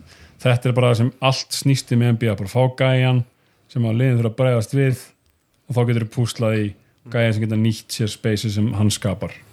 Hver myndið þið segja fyrir utan ef við tökum, ef við tökum Jannis Algjörl út fyrir sig? Hver, heldur sem, hver, hver, hver, hver þarf að, að standa sig yfir yfir í rauninni meðaltali hver, þarf- hver, uh, hérna- Chris Middleton var að fá 178 miljónar samning. Já, hann þarf að gera það. Ok, það er bara, Chris Middleton getur ekki mætt og skora átjónst í leik í, í ústakefninu sko. Nei, hann gerir það ekki fyrra. Nei, veist, hann steg ekki upp í fyrra. Nei, Erik Bledsoe var umröðlegur í úslættikerninu fyrra. Já. að að að- Þeir eru, hann þeir eru, brogdanlausir sko, þeir eru rauninni með, já, þú veist, ok, Divincenzo hérna, Connaughton og George Hill vissulega, en ég meina það sem við erum búin að bæta við, við erum búin að missa Mirotic og, og hérna er þetta skerið samt rosa lítið fyrir já, já, já, Mirotic og Brotan er farnir síðan í fyrra og hver Já. eru konur inn, það er er Marv bara- Williams og, og Kyle Korver. Já, en Dívild Sens var náttúrulega miklu betri enn í fyrra. Wesley Matthews náttúrulega komin inn líka. Wes Matthews Hann spila ekki í fyrra. Uh, Brook Lopez hittir talsett verð en hann gerði fyrra. Mm, hann er komin undir 30% mm Já, sem að sem að er svona kannski breykið þú veist, já, hvað er breykið? Þannig að þú þurfur ekki að æða út í menn. Hvað er, 32, já, 3 er ekki, já, þrjá, sko, 33% er náttúrulega sama á 50% takkast eða sko. Já. Þú komin undir 30 þá ertu, þú, ert með soft close Já. Mm, nákvæmlega, Uh, en það tekur það mörg að að menn virða, fimm í leiki eða eitthvað sko. Já, 4,7 já, líka bara með þessa sögu sko. Já, það, það, einmitt, mér finnst þetta ég ætla einmitt að koma inn á þetta með Brúklófis að þú ert með tímabilið fyrra það sem að, við sáum hann skjóta miklu betur. Já, sáum hann hérna rívampa ferilin sinni, ég meina muni ekki eftir þessu gæja í nets að taka sjö sekundar post upp einhverju ógeðslega bóring sko. Já, já. en svo allt í náttúrulega bara mættur standandi beint á móti körunni, einn og hálfa metri fyrir utan bara drita. Menn eru alveg með það í hausnum. Það er auðljóst, hvernig þeir beigja vörnina hjá liðanum og það er líka bara þegar þú ert on the fly í köruboltaleik og þú ert að spila hann hratt og þú sérð bara Brook Lopez og það er kannski búið að segja við þig er ekki keir út í hann. Þú keirir samt út í hann. Þú veist, það er bara að þið langar ekki að láta skjóta í grillaðir og, og, og, bara einhvern veginn imprentaði leikmenn skilur og, og svona, en eitt sem ég langar að ræða því að ég sagði þetta einhvern tímann á Twitter að Janis Antetokounmpo er 2020 útgáðan af Shaquille O'Neal. Uh, og hann er bara það næsta sem við höfum séð Shaq, hann er bara svona modern day útgáðan af Shaq og fyrir ykkur hlustendur sem eru núna í headphoneum, kannski að keira í vinnuna eða eitthvað og hlusta okkur með headphone þá er þetta tölfræðan hans. 29,6 stík 5,8 stóðsendingar 1 variðskot 1 stólin bolti 13,7 frákost á 30 og 1 í mínúti að þetta er bull. Þetta er fáránleg tölfræð Pældi eitthvað að vera að starta með tips Ég get sagt þetta bara per 100 possession startið hans í 44-29 Já, bara, bara, bara pæli efficiency sko. þetta er algjört rugg hann er með Og- e- e- og- 62% tveggjast Já fyrir, fyrir utan sko tölfræði dómiransið top 3 varnamæri dildri já, Já, ég meina, þetta- hann er að fara að vera varnamæður ásins er bara, já, sko, hérna ekki bara Hakim og Eh, Jordan. já, Restri- já sem hafa verið MVP og varna já. Já. restricted area hann er sko lang efstur í að fæla menn frá og búa til sinni þegar hann kontesta sko til restricted area Já, hann, hann bæði skemmir nýtingunni hjá mönnum Já. fækkar skotunum og, og gerir það sko líka út á perimetinu já, hérna, ég, hérna, ég náttúrulega horfum mikið á leikina með, með, með Chris Paul, þeir settu bara Jannis á Chris Paul þegar hann var búin að setja nokkra langa tvista í röð. Já. og bara Jannis mættur og kæfði hann. Þú veist, átti ekki séns sko. Og meðan hann killar í sig líka hann er hægt og rólega að taka yfir þess að já, sá hann grína sjálf sig á móti, móti leikast Nei, hann, en, en, Það var mjög gott. hann á eftir að eiga leikin ennþá. Hann er ekki búin að eiga leikin nei, nei, hann er ekki búin að eiga breakout leikin þegar allt er undir. Hann er búin að tjóka meira en hann er búin að eiga breakout leikin og þú veist hann er hann, er á, ég- hann á ennþá eftir að sanna það að hann sé tilbúin til að taka eins og þú segir kórun á klessun hausinu við ég tókum- hlæjandi að umræðu samt sko 2009 þannig til Lebron James vann fyrsta titilin ég veit og það, hann gerði það ekki fyrir 2012 samt. Dirk Nowitzki og Dirk Nowitzki tjókar hann til 2011 eða? Eh, já, ok, ja. hérna hérna, Já. ég held að þessir andlegu yfirburðir Lebron James fara að skipta máli skilur, það er engin í austrunu sem getur einhvern veginn hrist upp í Jannis nei, nei, nei, skiljið, sem að getur gert engin hrættan karakter. Nei. hver er, hver er stærsti karakterin í austurinu? það er Jimmy Butler? í vestrinu. Smart. Marcus Smart? Í, í, já, í vestrinu. Markus Smart bæða vegi er búin að dekka Jannis Já, já, já. þetta var ekki þetta var ekki nei, kaldanisli. nei, en ég veit að mér, nei, og mér finnst það bara að finna við vorum að tala um hver á dekkan sko. Já, uh, með. en í vestrinu þá ertu að tala um þú ert með Kawhi og þú ert með Lebron sem báðir hafa svona andlega yfirbörð einhvern veginn held ég yfir Jannis að honum finnist kannski einhver leiti en, en ég maður er svo auðvitað að halda með um þetta er svo falleg saga. Uh, hvernig hann, þú veist, ég meina hann var að skiptast á skónum við bróðið sinn þegar þið voru að æfa körubólta koma náttúrulega úr mikill í fátækt og þetta er hérna fólk sem hefur þurft að hafa mikið fyrir lífinu. Og líka í þessu ótrúlega árferði þegar fólk er ennþá einhvern veginn að reyna að tala fólk, innflytendur niður og okkur svoleiðis að sjá bara þú veist hvað, gr- gríska þjóðin á einhvern veginn demant þarna sem að fættist í eða á fóreldra frá öðru, öðru landi veist. Þetta er bara það er svo margt gott við þessa sögu. Og, ég, og að hann komi svo með sín gildi inn og taki yfir NBA bara svo geggjað. Já, en það er auðvöld að halda með Mér finnst þetta rosalega gott það sem þú myndist á með, með nútíma sjakkin sko, nútíma sjakkin og nýl er að það er enginn sem er mitt er eitthvað, allt í hann er bara eitthvað að póstunum að nóðast og svo bara umsveðalaust snýra sig við og er bara búin að hamra í grillið það er enginn annar sem gerir þetta. Menna, það hann er engin kannski- annar sem hefur gert þetta síðan Sjakjál og gerði nei, þetta. hann er að snúa baseline hann er að snúa til hægri á baseline og samt treður hann sko með, með sko í hendinni sem er sko ætti ekki að vera Nei, nei. þú veist, innri hendinni. Að að hérna veist, hann er að taka, hann er að taka post hann postar upp veist, menn eins og Joel Embiid og er komið með þú veist, einn og hóla metur frá körn og bara hamrar yfir það, ég veist, ég og minna, talandum hérna bara með Aron, auðmikið Aron Baines hann hérna, bara, hérna tók Aron Baines bara svolítið fyrir hérna eitt sísunni, sko. Já. En já, ég, ég skil hvað það meinar samt hörður, sko. Það er ekki ósatt að Jannis Nei, við getum, við getum, við getum Hann rúkað á- okkur yfir þessu regular season stati eins og við viljum skilu, en, en þú dættir að komast inn í playoff og, og, og komast í, komast í úrslit allavega áður en, en við getum samtalið haft að það er- munur á því að vera að henda upp ykkur stati og vera gæðin sem að skapar sigra Já. ska- bæði með vörn og sókn, sko. Hann er ekki brallir bíl að setja Algjörlega. 30 Hann er ekki Sigur Óri Kristjánsson í annar dildin eða skora 27 stig, Nei, en, Jordan, Jordan vinnur MVP og Vardamann ásins 1988 það er um 25 ára, hann er jafngamall og, og Janis er núna. Það er ennþá þrjú ári að verði mistari Lebron gera það sama 2009 vinnur endur ekki Vardamann ásins en hann besta, besta statistikal tímabili hans Lebron er 2009 tímabili Já, þegar þeir vinna uh, 67 leiki Já, eitthvað svoleiðis, 67. já. hann verður ekki mistari fyrir þremur ánum setna þú veist það eru, það, þú, þú getur fundið checkpoints í gennum söguna fyrir utan tvo leikmenn. Það er bara Larry Bird og Magic Johnson sem hafa komið inn sem svona fullkláraðir að- við skulum segja eiginlega bara Larry Bird og kannski Tim Duncan. En Þú ok, veist, hin, það tekur alltaf x mörg árferðið að ná að þetta stega þessi orðin nógu góðir að þessi orðin mistarar og þegar Lebron, ef, að- ef að Janis alltaf fyrir að mæta tvekja hausa skrimslinu af Lebron og Anthony Davis í úslitum þú veist, það, það er ekki eins og veðmál þú veist, leikis vinnur það við sko. Nei, sko, en, en ef við sko út af því að ef við tökum bara fyrst konferensi hans, austudeldina Já. og munurinn á eins og Lebron er með Boston Celtics liðið þarna sterka Já, á móti sér, Já. Pierce Garnett og Ray Allen. Ungt Chicago lið. Fær, fær svo þá. Já, uh, hérna uh, ef við tökum hvaða aðra stjórnum að taka Shaq lendir náttúrulega á Jordan. Jordan lendir á Detroit ja, allt svona Já, já. snemma í playoffs Já, skiljið. Já, þú þarft að komast yfir eitthvað hann þú Já, sér líka bara og það er ekkert hönd fyrir hann að komast yfir raunin núna. sko. Mhm. Þeir eru réttur Ekki- nema Toronto. Já, það gætu verið það. Ég vil náttúrulega meina þessu grænir en allt í góðu. En hérna, sko það var ekki þannig í fyrra Nei, nei, og þú veist, það náttúrulega er hérna, ekki mikla líkur á því þannig en, en uh, hann, hömpinans er klárlega Lebron Já, það, það er og Anthony Davis Já. þú veist, ef að þeir komast þarna inn eða þá Kawhi og Paul Jones. Mér finnst þeir ekki alveg nógu stóri fyrir hann sko Ég meina, Lebron James og Anthony Davis eru nógu stóri fyrir hann Mm, já, Hinn er já. ekki nógu stóri fyrir hann sko Nei, já, hvað mennum stórir? hávarsnir lið já, stórir. Nei, bara, já, sko. bara nógu margir stórir ég og, og bara smart sig skilur Mhm. Ég veit ekki, hérna en svo við höldum að þessu áfram fyrir ekki að grípa fram fyrir Já. uh, svo við höldum að þessu áfram með þessa sjakk líkingu þetta er bara, þetta er bara sá gæði sem við sjáum. Og það sem, að, það sem að liðin hafa verið að gera þú veist, þegar sjakk var það sem ég er svo merkilegt til sjakk og ef ég mætti velja eitt gæja, ef það var eitt leikur límitt lagi við og ég myndi velja einhvern gæja Þetta sem ég fylgst með. Þetta er Space Jam pælingin já, sko.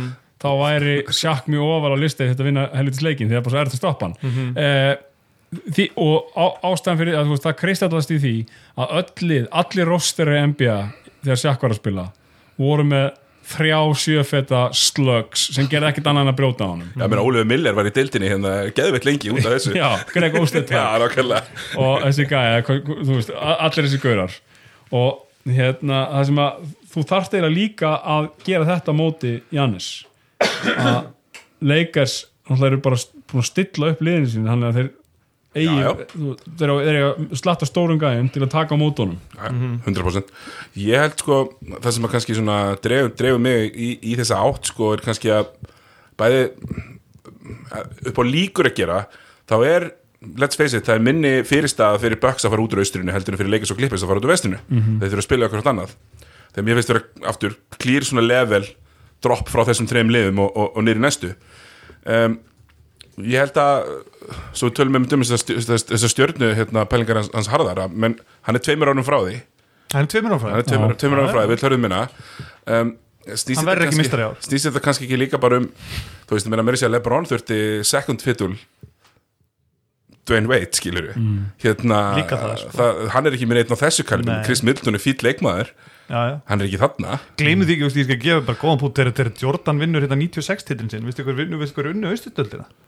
96, Nei, fyrir 97 annað titlin sinn, annað titlin sinn. 97, Pacers eða? Nei, Atlanta. Atlanta. Þú veist, það er fullt af Er þetta Steve Smith, ég, ég, er Atlanta? ekki, ég er ekki að segja það að, að þetta Milwaukee sé eitthvað bara season, þeir verða frábæri í playoff.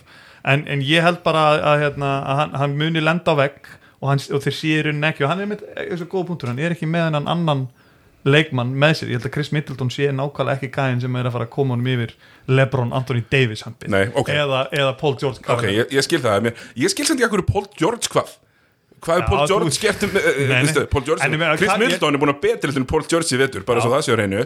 Paul George var fítinn hann í Playoffs 2013 Já. svo á hann þrjá mánuði fyrra og það talaði um hann eins og hann sé einhver perennial top 5 gæði Líka, mér finnst lítið tala menn hann er með Kava Lennart með sér lið, gleym ekki að Kava Lennart er, er núverandi reyning, hérna, mistari og Mhm. hérna, MVP sko, meina, sko, Clippers og hann er eitt heilsu Clippers eru, ef maður lesi þess að svona, svona, svona hlustar á þess að lesi þess að svona kannski stóru kanonur þú veist, Saklo og félaga þeir eru allir með Clippers, eiginlega allir með Clippers sem mestar eða með sem mikla breytt í skórinningunni Já. og það geti orðið fyrir Bucks að ráða við það. Þú veist uh, við erum ennþá eftir að sjá veist, það, það, það sem Bucks hafa ströggla með er þegar lið geta komið á þá að different angles einhvern veginn, með marga góða leikmenn sem að þú getur ekki einhvern veginn bara látið Jannis á besta gæjan eða það þarf.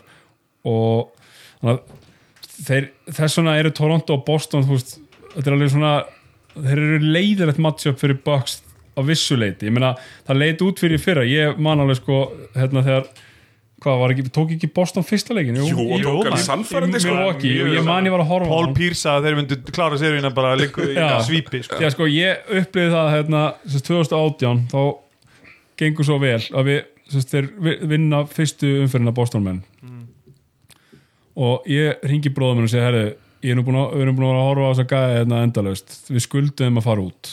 Keiftum miða á Sixers. Keiftum bara flugum með út til að sjá Sixers. Mm. og svo leit bara út fyrir að Boston var að svípa þá og farin, þá hefðu mist af næstu Þau- þá hefðu komið akkurat í gatið. Já, ok. Og þannig að ég var bara, herrið, ok, hérna maður var fann að halda með Sixers í einum leik til þess að sjá þetta gerast. Og sem betur verið, hérna, datt eitt hjá Sixers og þeir kláraði fjögur eitt. Og ég fekk sömu tilfinningi fyrra þegar Boston vann fyrsta leikin ég kom bara, var að horfa á þetta hérna, heima og kemur í eldús og segir við Pálinu, sko, herrið, ég held nú bara ég sé að leiðinu út Já, og við séum að fara að klára þetta Milwaukee-lið, sko en það, svo bara hættu þér já, já. Og, og, en, en ég held að þú veist, og ástæð fyrir að nefna þetta er að Milwaukee á alveg í vesinu oft með svo slekkur á sér skiljið mm. 100%. Middleton er ekkit eitthvað rosalegu varnamaður Brook Lopez er ekkit rosalegu varnamaður það þú veist, hann getur varið korfuna hann sakkar einn, hann gerir hluti. Hann er búin að góri vitur já, Hann getur ekki algjörlega, mætt en Jannis er að unlocka á alla varnarlega, þú veist, hann er að skapa þú veist, það er svo auðvelt að þú bara með þetta aðal púsla, svo bara púsla í kringum það og Mhm. þeir eru að gera það vel og bútin hóls er að klárið því en, en að ég veit ekki, ég, Já, ég er kannski klára, kannski þessa umræði bara með Ég leta hrappn velja líka. Meina, hörður, Hver eru mistari? Leikis Erst þú með pick? Leikis vinnur Raptors, bæðu við sko, það er náttúrulega svona einhvern veginn árið sem er eftir hver fjall frá í byrjun ás þá þetta er svona eina tíðanbili sem ég var ekkit eitthvað ég myndi ekki gráta að leika sér til mestari þú veist, mér finnst það fallegt, fallegt tilhugsun þannig að ég get alveg unna því. Uh, ég hef eftir að sjá þetta klippast ég er þetta mikill Lou Williams maður uh, hann er einn af mínum uppáðsleikunum ég hef eftir að sjá þá hver verið mestari maður Lou Williams áttu rosalega erfitt á móti leikers er ég ætla að segja bara Boston Celtics er mestari Boston Celtics eru Ég mistari þetta. Ég er náttúrulega kom, ég, ég er voru að yfirleitt sem glæður með þetta bökslið, ég held að vinni. Já, Þú sagði það líka í síðasta já. ég sagði líka vinni, ég held að böks vinni. En, en hverjum, hverjum mættar í úrslutum? Leikers Já. Ég held að sta, sko stærðin hjá leikers hérna, Ef að það verður því þá að- verðum við með eitthvað stórt veðmál akkurat, af því að veik, veikleiki leikersliðsins fælst kannski í pick and roll vörn hjá bakverðum og það er engin í þessu klippislið nema Lou Williams auðvitað, en Lou Williams var spilaður af gólfinu á móti leikers síðast og ég get alveg trúið að það gerist aftur Þú sko. ert að horfa allt og en leitt eitthvað láta þetta, Siggi. Hann er bara, inn í kassanum. hann er höndið sko. Já, þú þú- þú- þú- þú ert að horfa allt og körfuboltalega á þetta. Mm. Lebron og Anthony Davis er að fara að vinna Janis í þú er bara, bara, bara út í að þetta eru Lebron og Anthony Davis Lebron hefur gert þetta áður og hann er verið þarna áður. Anthony Davis er ekki gert veist, Nei, ok, nei, en Lebron er að fara að leiða þetta leikisli Er Anthony Davis næst best? Nei, Wade er betur hann er ekki Hvað, sér þið hver? Er, er Wade á Miami árunum sínum ekki betur en Já, Anthony Jó, 2010-11 klálega. Já, 52. En Anthony Davis er næst besti leikmann sem Já, leikmann að spila og með hann- ég meina, gleym ekki Anthony Davis nú orðin, hvað hann gerði hann 27 ára hann var Er hann ekki búin að bæta eitthvað á sig? Jú, mér finnst að vera sterkari. Já, En menn það að tala um að- séu líka að vera eitthvað COVID kíló á honum. Já, Aha, mér, mér finnst, mér finnst það sem ég var alltaf svo erfitt með Anthony Davis er hann er alltaf í fokkin gólfinu. Hann er alltaf að detta er við, mér er mjög illa við hvernig hann dettur. Þú veist það er svo margir eins og, eins og Lebron James og svona sem að fara mikið á körfuna og detta mikið lenda á, þeir lenda einhvern veginn svona smúð og renna einhvern veginn svona Anthony Davis einhvern veginn alltaf bara þú veist, að skella í gólfið. Ég, ég skil ekki, hvað það meinar. er kenna hann að detta. Lendir hérna eitthvað mjóbækir alltaf ég, En já, já þetta sig, sko. er bara þannig, því miður og Nei, því miður, ég meina, það- það er bara, þeir eru frábærir og það er bara, En það er bara þannig. er ekkert annað í vesturinu sem hún getur séð hérna, Ég, menn er búin að tala um Portland sem svona slíper slíper sko. Ég held sko, Damian Lillard er uppáhalds non-Celtic leikmæður minn. Ég elska Damian Lillard. Geggjaður, ég fíla svona Lökkins leika líka ekki að vel út sko. já, sko, hann þetta er að koma vel, vel út. Þetta er það sem maður vill sko, hérna, það sem að gerir körubólta fyrir mér skemmtilegustu í íþróttina er, er, er, eru görður eins og Demi Lillard sem að setja hann í grillaðir og segja þið síðan frá því í Já. hvernig er setja hann í grillaðir Já. og síðan veifa þér í það er, þetta er þetta er svona þú sýnir virðingu með því að láta menn heyra. Já. finnst mér pínu að vera svona fílingurinn og framist að hans í fyrsta leiknum eftir fráfall þarna í memorial leiknum veist, bara mæta á þetta golf og gera þetta sem hann gerði til heiðurs eins merkast að spámans köruboltans bara hats off to you sko. Nákvæmlega. Hérna, ég ætlaði kannski svona að klára ef hörður, hörður ætlaði einn döldsja með þess hörður, varstu búin að velja fyrir mig All NBA liðin í, fyrir Já. veturina já, ég var komið með ég var komið með, ég var með í símanum minna ég er kannski meðan að hörður finnur þetta þá Já. ætlaði ég svona hérna, að taka hérna, síðustu svona síðustu pælingunum minna uh, varandi, varandi þetta All NBA dæmi að hérna, við hörður vorum unnum saman í verkefni í, hérna, í, í haust, síðastlið haust svona ferðarþjónustu verkefni og, og svo þegar mjög velhefna stórt verkefni var klárað og hérna, settustu og fengum okkur eitt bjóra á, hérna, á Ölstofunni. Og hörður tekur svona utan við vorum að tala um NBA og hörður tekur svona utan og segir, segir, nú er þetta Chris Paul dæmi og það er bara búið sko. Já, ég hann er að fara að vera second team all NBA þú verður hann kannski í en hann ég er að fara að vera ég second team all ég NBA og ég meina ég geta ég er nokkri, nokkri kavjatar sem ég setti í milli. Ég setti Anthony Davis í miðri má ég það ekki? jú, þú það, má ég það? Okay. ég held að megi núna. Það var því, og það mátt, þú mátt líka setja LeBron James sem guard sko. Já, ég gerði það ekki. Nei, Ég, er með sérst, og ég, ég fór yfir þetta í dag svona létt yfir þetta, ég fór ekki alveg djúft yfir þetta frá ABA, hérna, mergernum þá er Luka Doncic, ég er sérst með Luka Doncic í first team, þá er hann yngsti first team All-NBA leikmaður sögunar Byttu, byttu, já, hann er yngri en Derrick Rose já, veist, já, já, yngri en Derrick eh, Derrick Rose var 22 ára á árinu sem hann er valinn. Hann er verða 21 árs í ár. Já, uh, Jordan er fyrst 88 þannig að hann er, eða 87 fekju hann er 24, já, fleiri. Þannig ég með Anthony Davis í miðrja, Giannis og Lebron og Luka og Harden ok, make a case-in fyrir byrjum á já, uh, Anthony Davis. Anthony Davis er, er búin að vera hérna, næstbesti leikmaðurinn í besta liði eða 35, næstbesta liði. 35% af mínúndunum sinni sem miðri. Já, einmitt, þú veist, hann er, miðri, hann, er, hann er búin að vera stabíli og heilbreyðari heldur en hérna, Nikola Jokic sem er gæðin sem að væri að kleppa móti sko. Og hann er búin að vera miklu betri varnarlega. Kaupið það Það ekki? Jú, jú, ég, Ég ég var ég var hittir með frekar nóbrinnir Já, hitt er algjörnóbrið Ég var með Jókits í mínu sko. Þú varst með Jokic, já, og það var bara vegna það var bara vegna þess að eitthvað svona stífleik í mér að vera með miðherja sko. Já, ég skil Með miðherja miðherja. Miðri, miðri En þá varst þá varst þetta ekki með Anthony Davis. Þú varst með hann í second team. Já, second team. Já, ok. hver með- framherðinir séru? Hvað séru? hver eru framherðinir svo? Uh, Janis og Lebron, ok, það er ekkert að argjúa það neitt. Nei. Uh, Lebron og, nei, hérna Harden og Luka. Þú getur náttúrulega fært sko Luka í second team fært Lebron í gardin og sett Kawhi eða eitthvað í staðinn sko er það ánað skilið? regular season? Nei, og því ég get ekki, þú veist þetta hérna, load management dæmi, þú átt ekki skilja að fara í All-NBA og ert að spila 40 leikja tímbili hvernig er tölfræðan hans?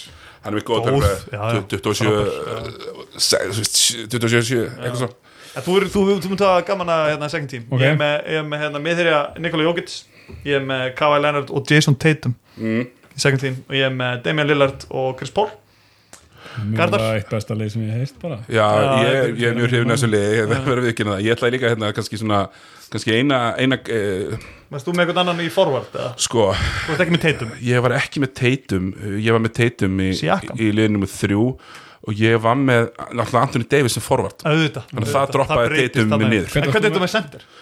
með MBD second team center Engan veginn sem hann átt að skilja sko. Nei, En það er alltaf bara eins og staðan er þetta er bara með þeirra dæmi. DeAndre Jordan var líka. Dyr Jordan eru í first team sko. Eh, Já, þannig að hérna, Jokic, Lennart, Tatum Lillard, Paul Second team, einhver, Ok. einhverja breytingar hann Nei, Er ekki frekar svona undisputed? Já, ég meina Pól alltaf leiðir Thunder Renaissanceið Já. algjörlega. Lillard er náttúrulega, þú veist, er í tablið þannig séð, en hann er alltaf búin að vera með meðsli í hópnum Lillard er eini ég, var með, þegar ég valdi mína 15 sko, þá var Lillard svo eini sem kemur úr tabli Já, í lúserum en, en Lillard líka sko En hvernig þarf við alltaf að velja fokkin bralli bíl eða? gæti ekki vel bara til bíl Trey Young eins og mér finnst þér góður sko, Eh, Damian Devon Booker Nei, Demi Lillard það, það sem ég, svona, eitt, eitt punktur er kannski mér var spínu pyrrandi að Portland hafi verið svona depleted og middir og tekið umurlegar front office ákvarðanir með að treyta frá sér öllum vangvartamörunum sinni fyrir tíðanbilið mm. þú veist, þeir voru með Alfa Gamino og Mo Harkless í fyrra þú veist, sem gerðu mikið fyrir það og núna er hérna, Lillard og, og Sitjum Collins alltaf exposed. Þannig að Demi Lillard, hann hefði átt að taka besti leikstundandinn í deildinni í vetur skilur og bara hyrða það, það svona mon, hann moniker, loksins býða eftir, þú veist, hérna, Paul og, svo Curry allan Curry átt, já, einmitt, já. en nei, nei, allir myndir. En hversu fyndið er, og við erum að tala um Portland að alltaf þegar off-season og þá er alltaf einhverju leikmenn sem að er líklega til að springa út. Nú er bara komið nýtt off-season og aftur að fara að tala um Anthony Simons. Já, já, ég svona, Oh my veit ekki hvað að meina? Svona það er alltaf einhverju alltaf einhver í Portland líka. He looks good in the bubble. Já, Þólið ekki sko. Alveg um svo til Ed Davis en það sem er drast sko. Ah, Her, Ég er með smá, ég er með smá sprengi í þriða ok, Ég er með, hérna, ég seti, ég seti Ben Simmons í, í forward stöðu ok, Þannig ég er með hann og Siakam já, í forward stöðu uh, Ég er með Rudy Gobert já ok. Ég er með líka ber, Easy, já. Og svo er ég með Middleton og Butler.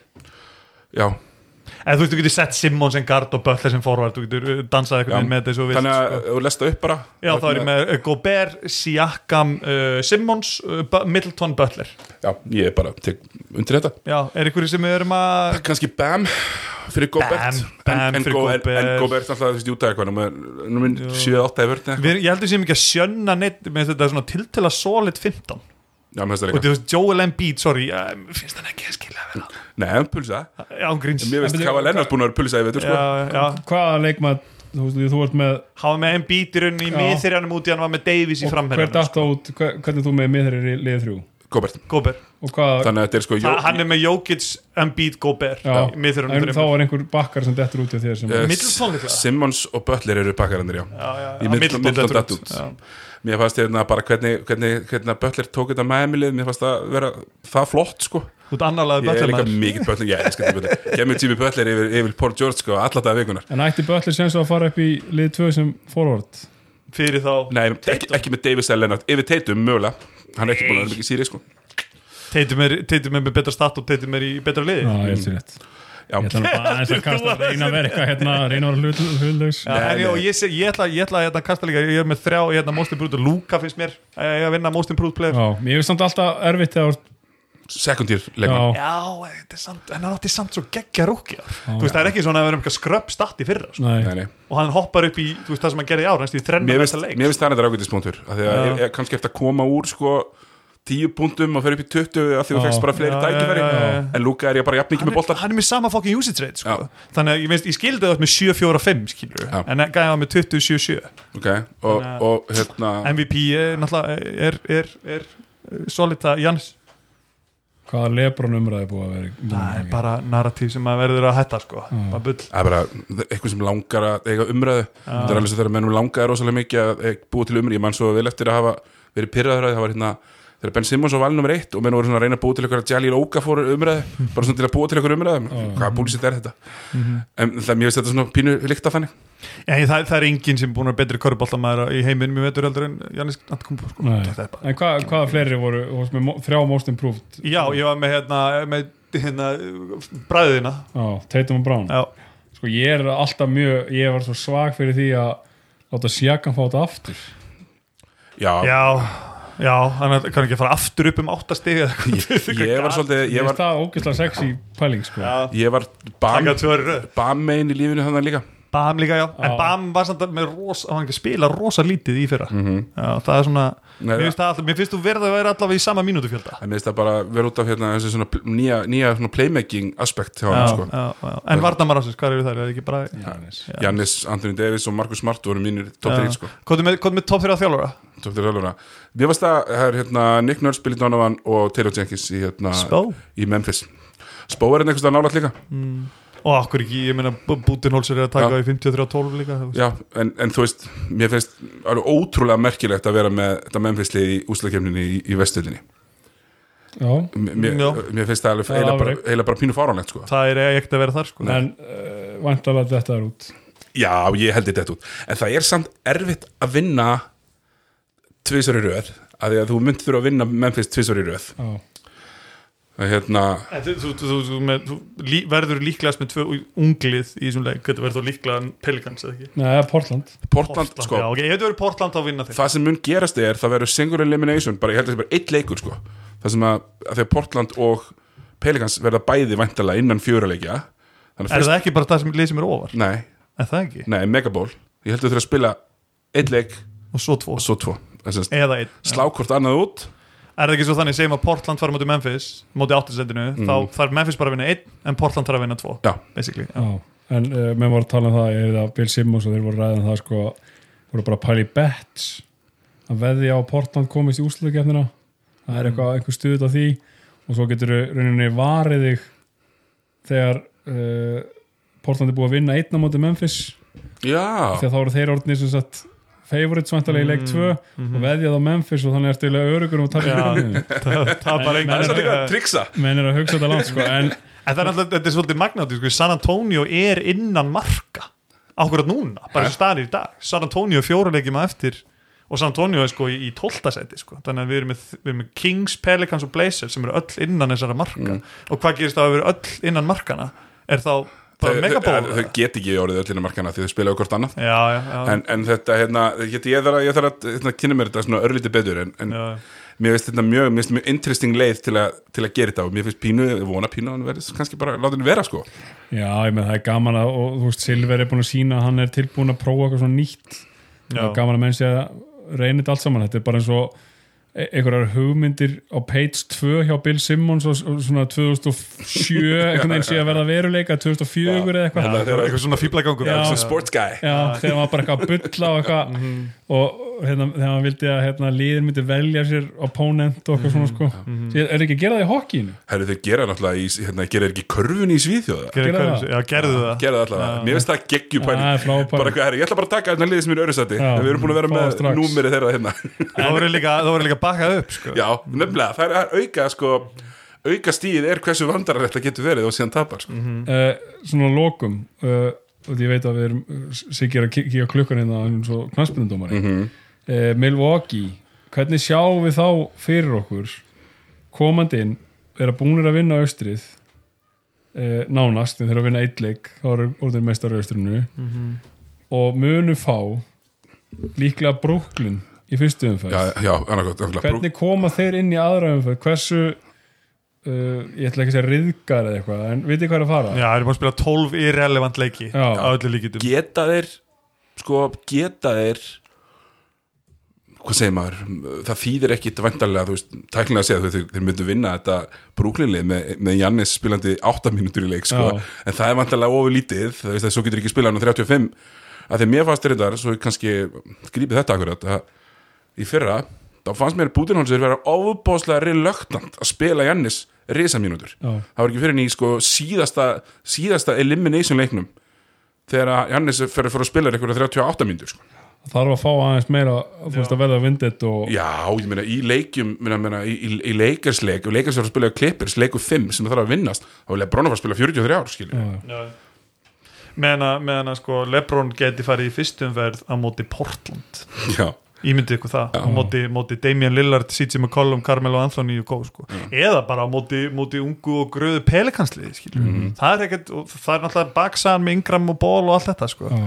það væri svaka matchup líka sko, þannig að þú veist, þeir eru að fara að spila eins og þú segir, 12 bara bara, þrótalegi sko, já, eh, svo er annað í þessu líka því að þú veist maður sá það eins og með ennsku úrvarsleitina og rauninni búndist líka, líka, líka þannig veist, það er svona parallelin sem við höfum, svona alltaf getum við talað um þýska korruboltan og svona sem fylgdum með hérna heima.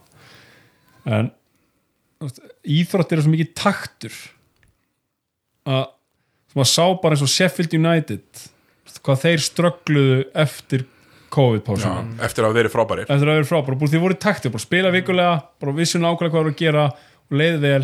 Að, þú veist, þetta, er- þetta, og svo er annar faktor sem eftir að koma inn er möguleg meðsli mm veist, það getur verið hvernig kemur liðum saman? Já, já, þú veist, hversu skynnsamir er menn inn í búblunni? Það er alls konar svona dót sem fyrir að skipta allt í einu máli. Hversu vel líður mönnum frá fjölskyldunni sinni?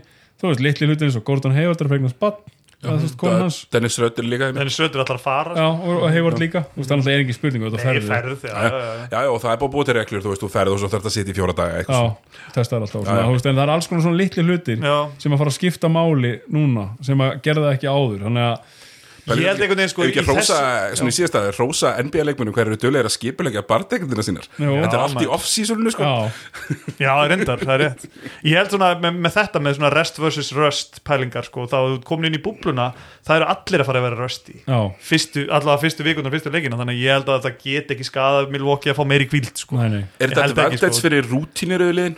Þú veist, þeir Já. spila kannski ekki flókin svona, hérna, svona ekki kannski flókin svona rítundir í aktbolta heldur eru meira, minna kannski sem Houston það sem að er, kerfið er að sama það mun ekkit breytast, það er hartinn på topp og standiði frá og verið svona, þú veist, verið með hendunar úti góða punktur sko, já, og, og líka er þetta þetta er rosalegu sigur fyrir, eða þú veist, þetta er svona advantage uh, eða yfirbyrði fyrir, fyrir eða, hvað segja, þetta er svona breyting í jákaðátt fyrir þau lið, svo tölum við íslensku fyrir þau lið sem að eru með leikmenn sem að geta hrokki í gang sem eru með svona go-to leikmenn eins og James Harden, eins og Damian Lillard eins og Luka Doncic. Góða fjórðu leiklutu leikmenn. Já, sem að, hérna, því að við sjáum bara í þessum stórmótum og það er yfirleitt einhver stjarna sem að dettur í gang og breytir einhvern veginn dýnamíkinni í öllu mótinu. Og ég held að þetta verði bara svona svolítið háum fílingur Þetta er fyndin pæling, já, þetta verður þetta verður einhver Romario 94 Já.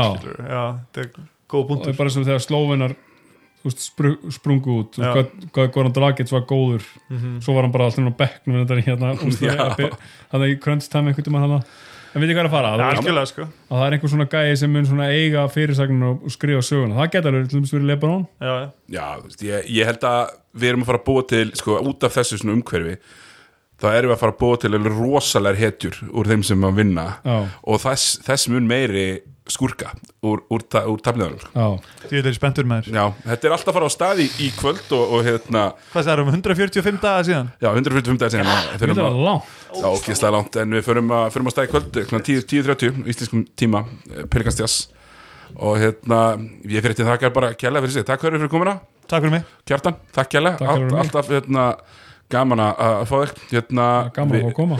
við bara hérna, sjáumst uh, hress og hérna segjum, segjum ekki bara svo kjartan, gangi hægt um gleina til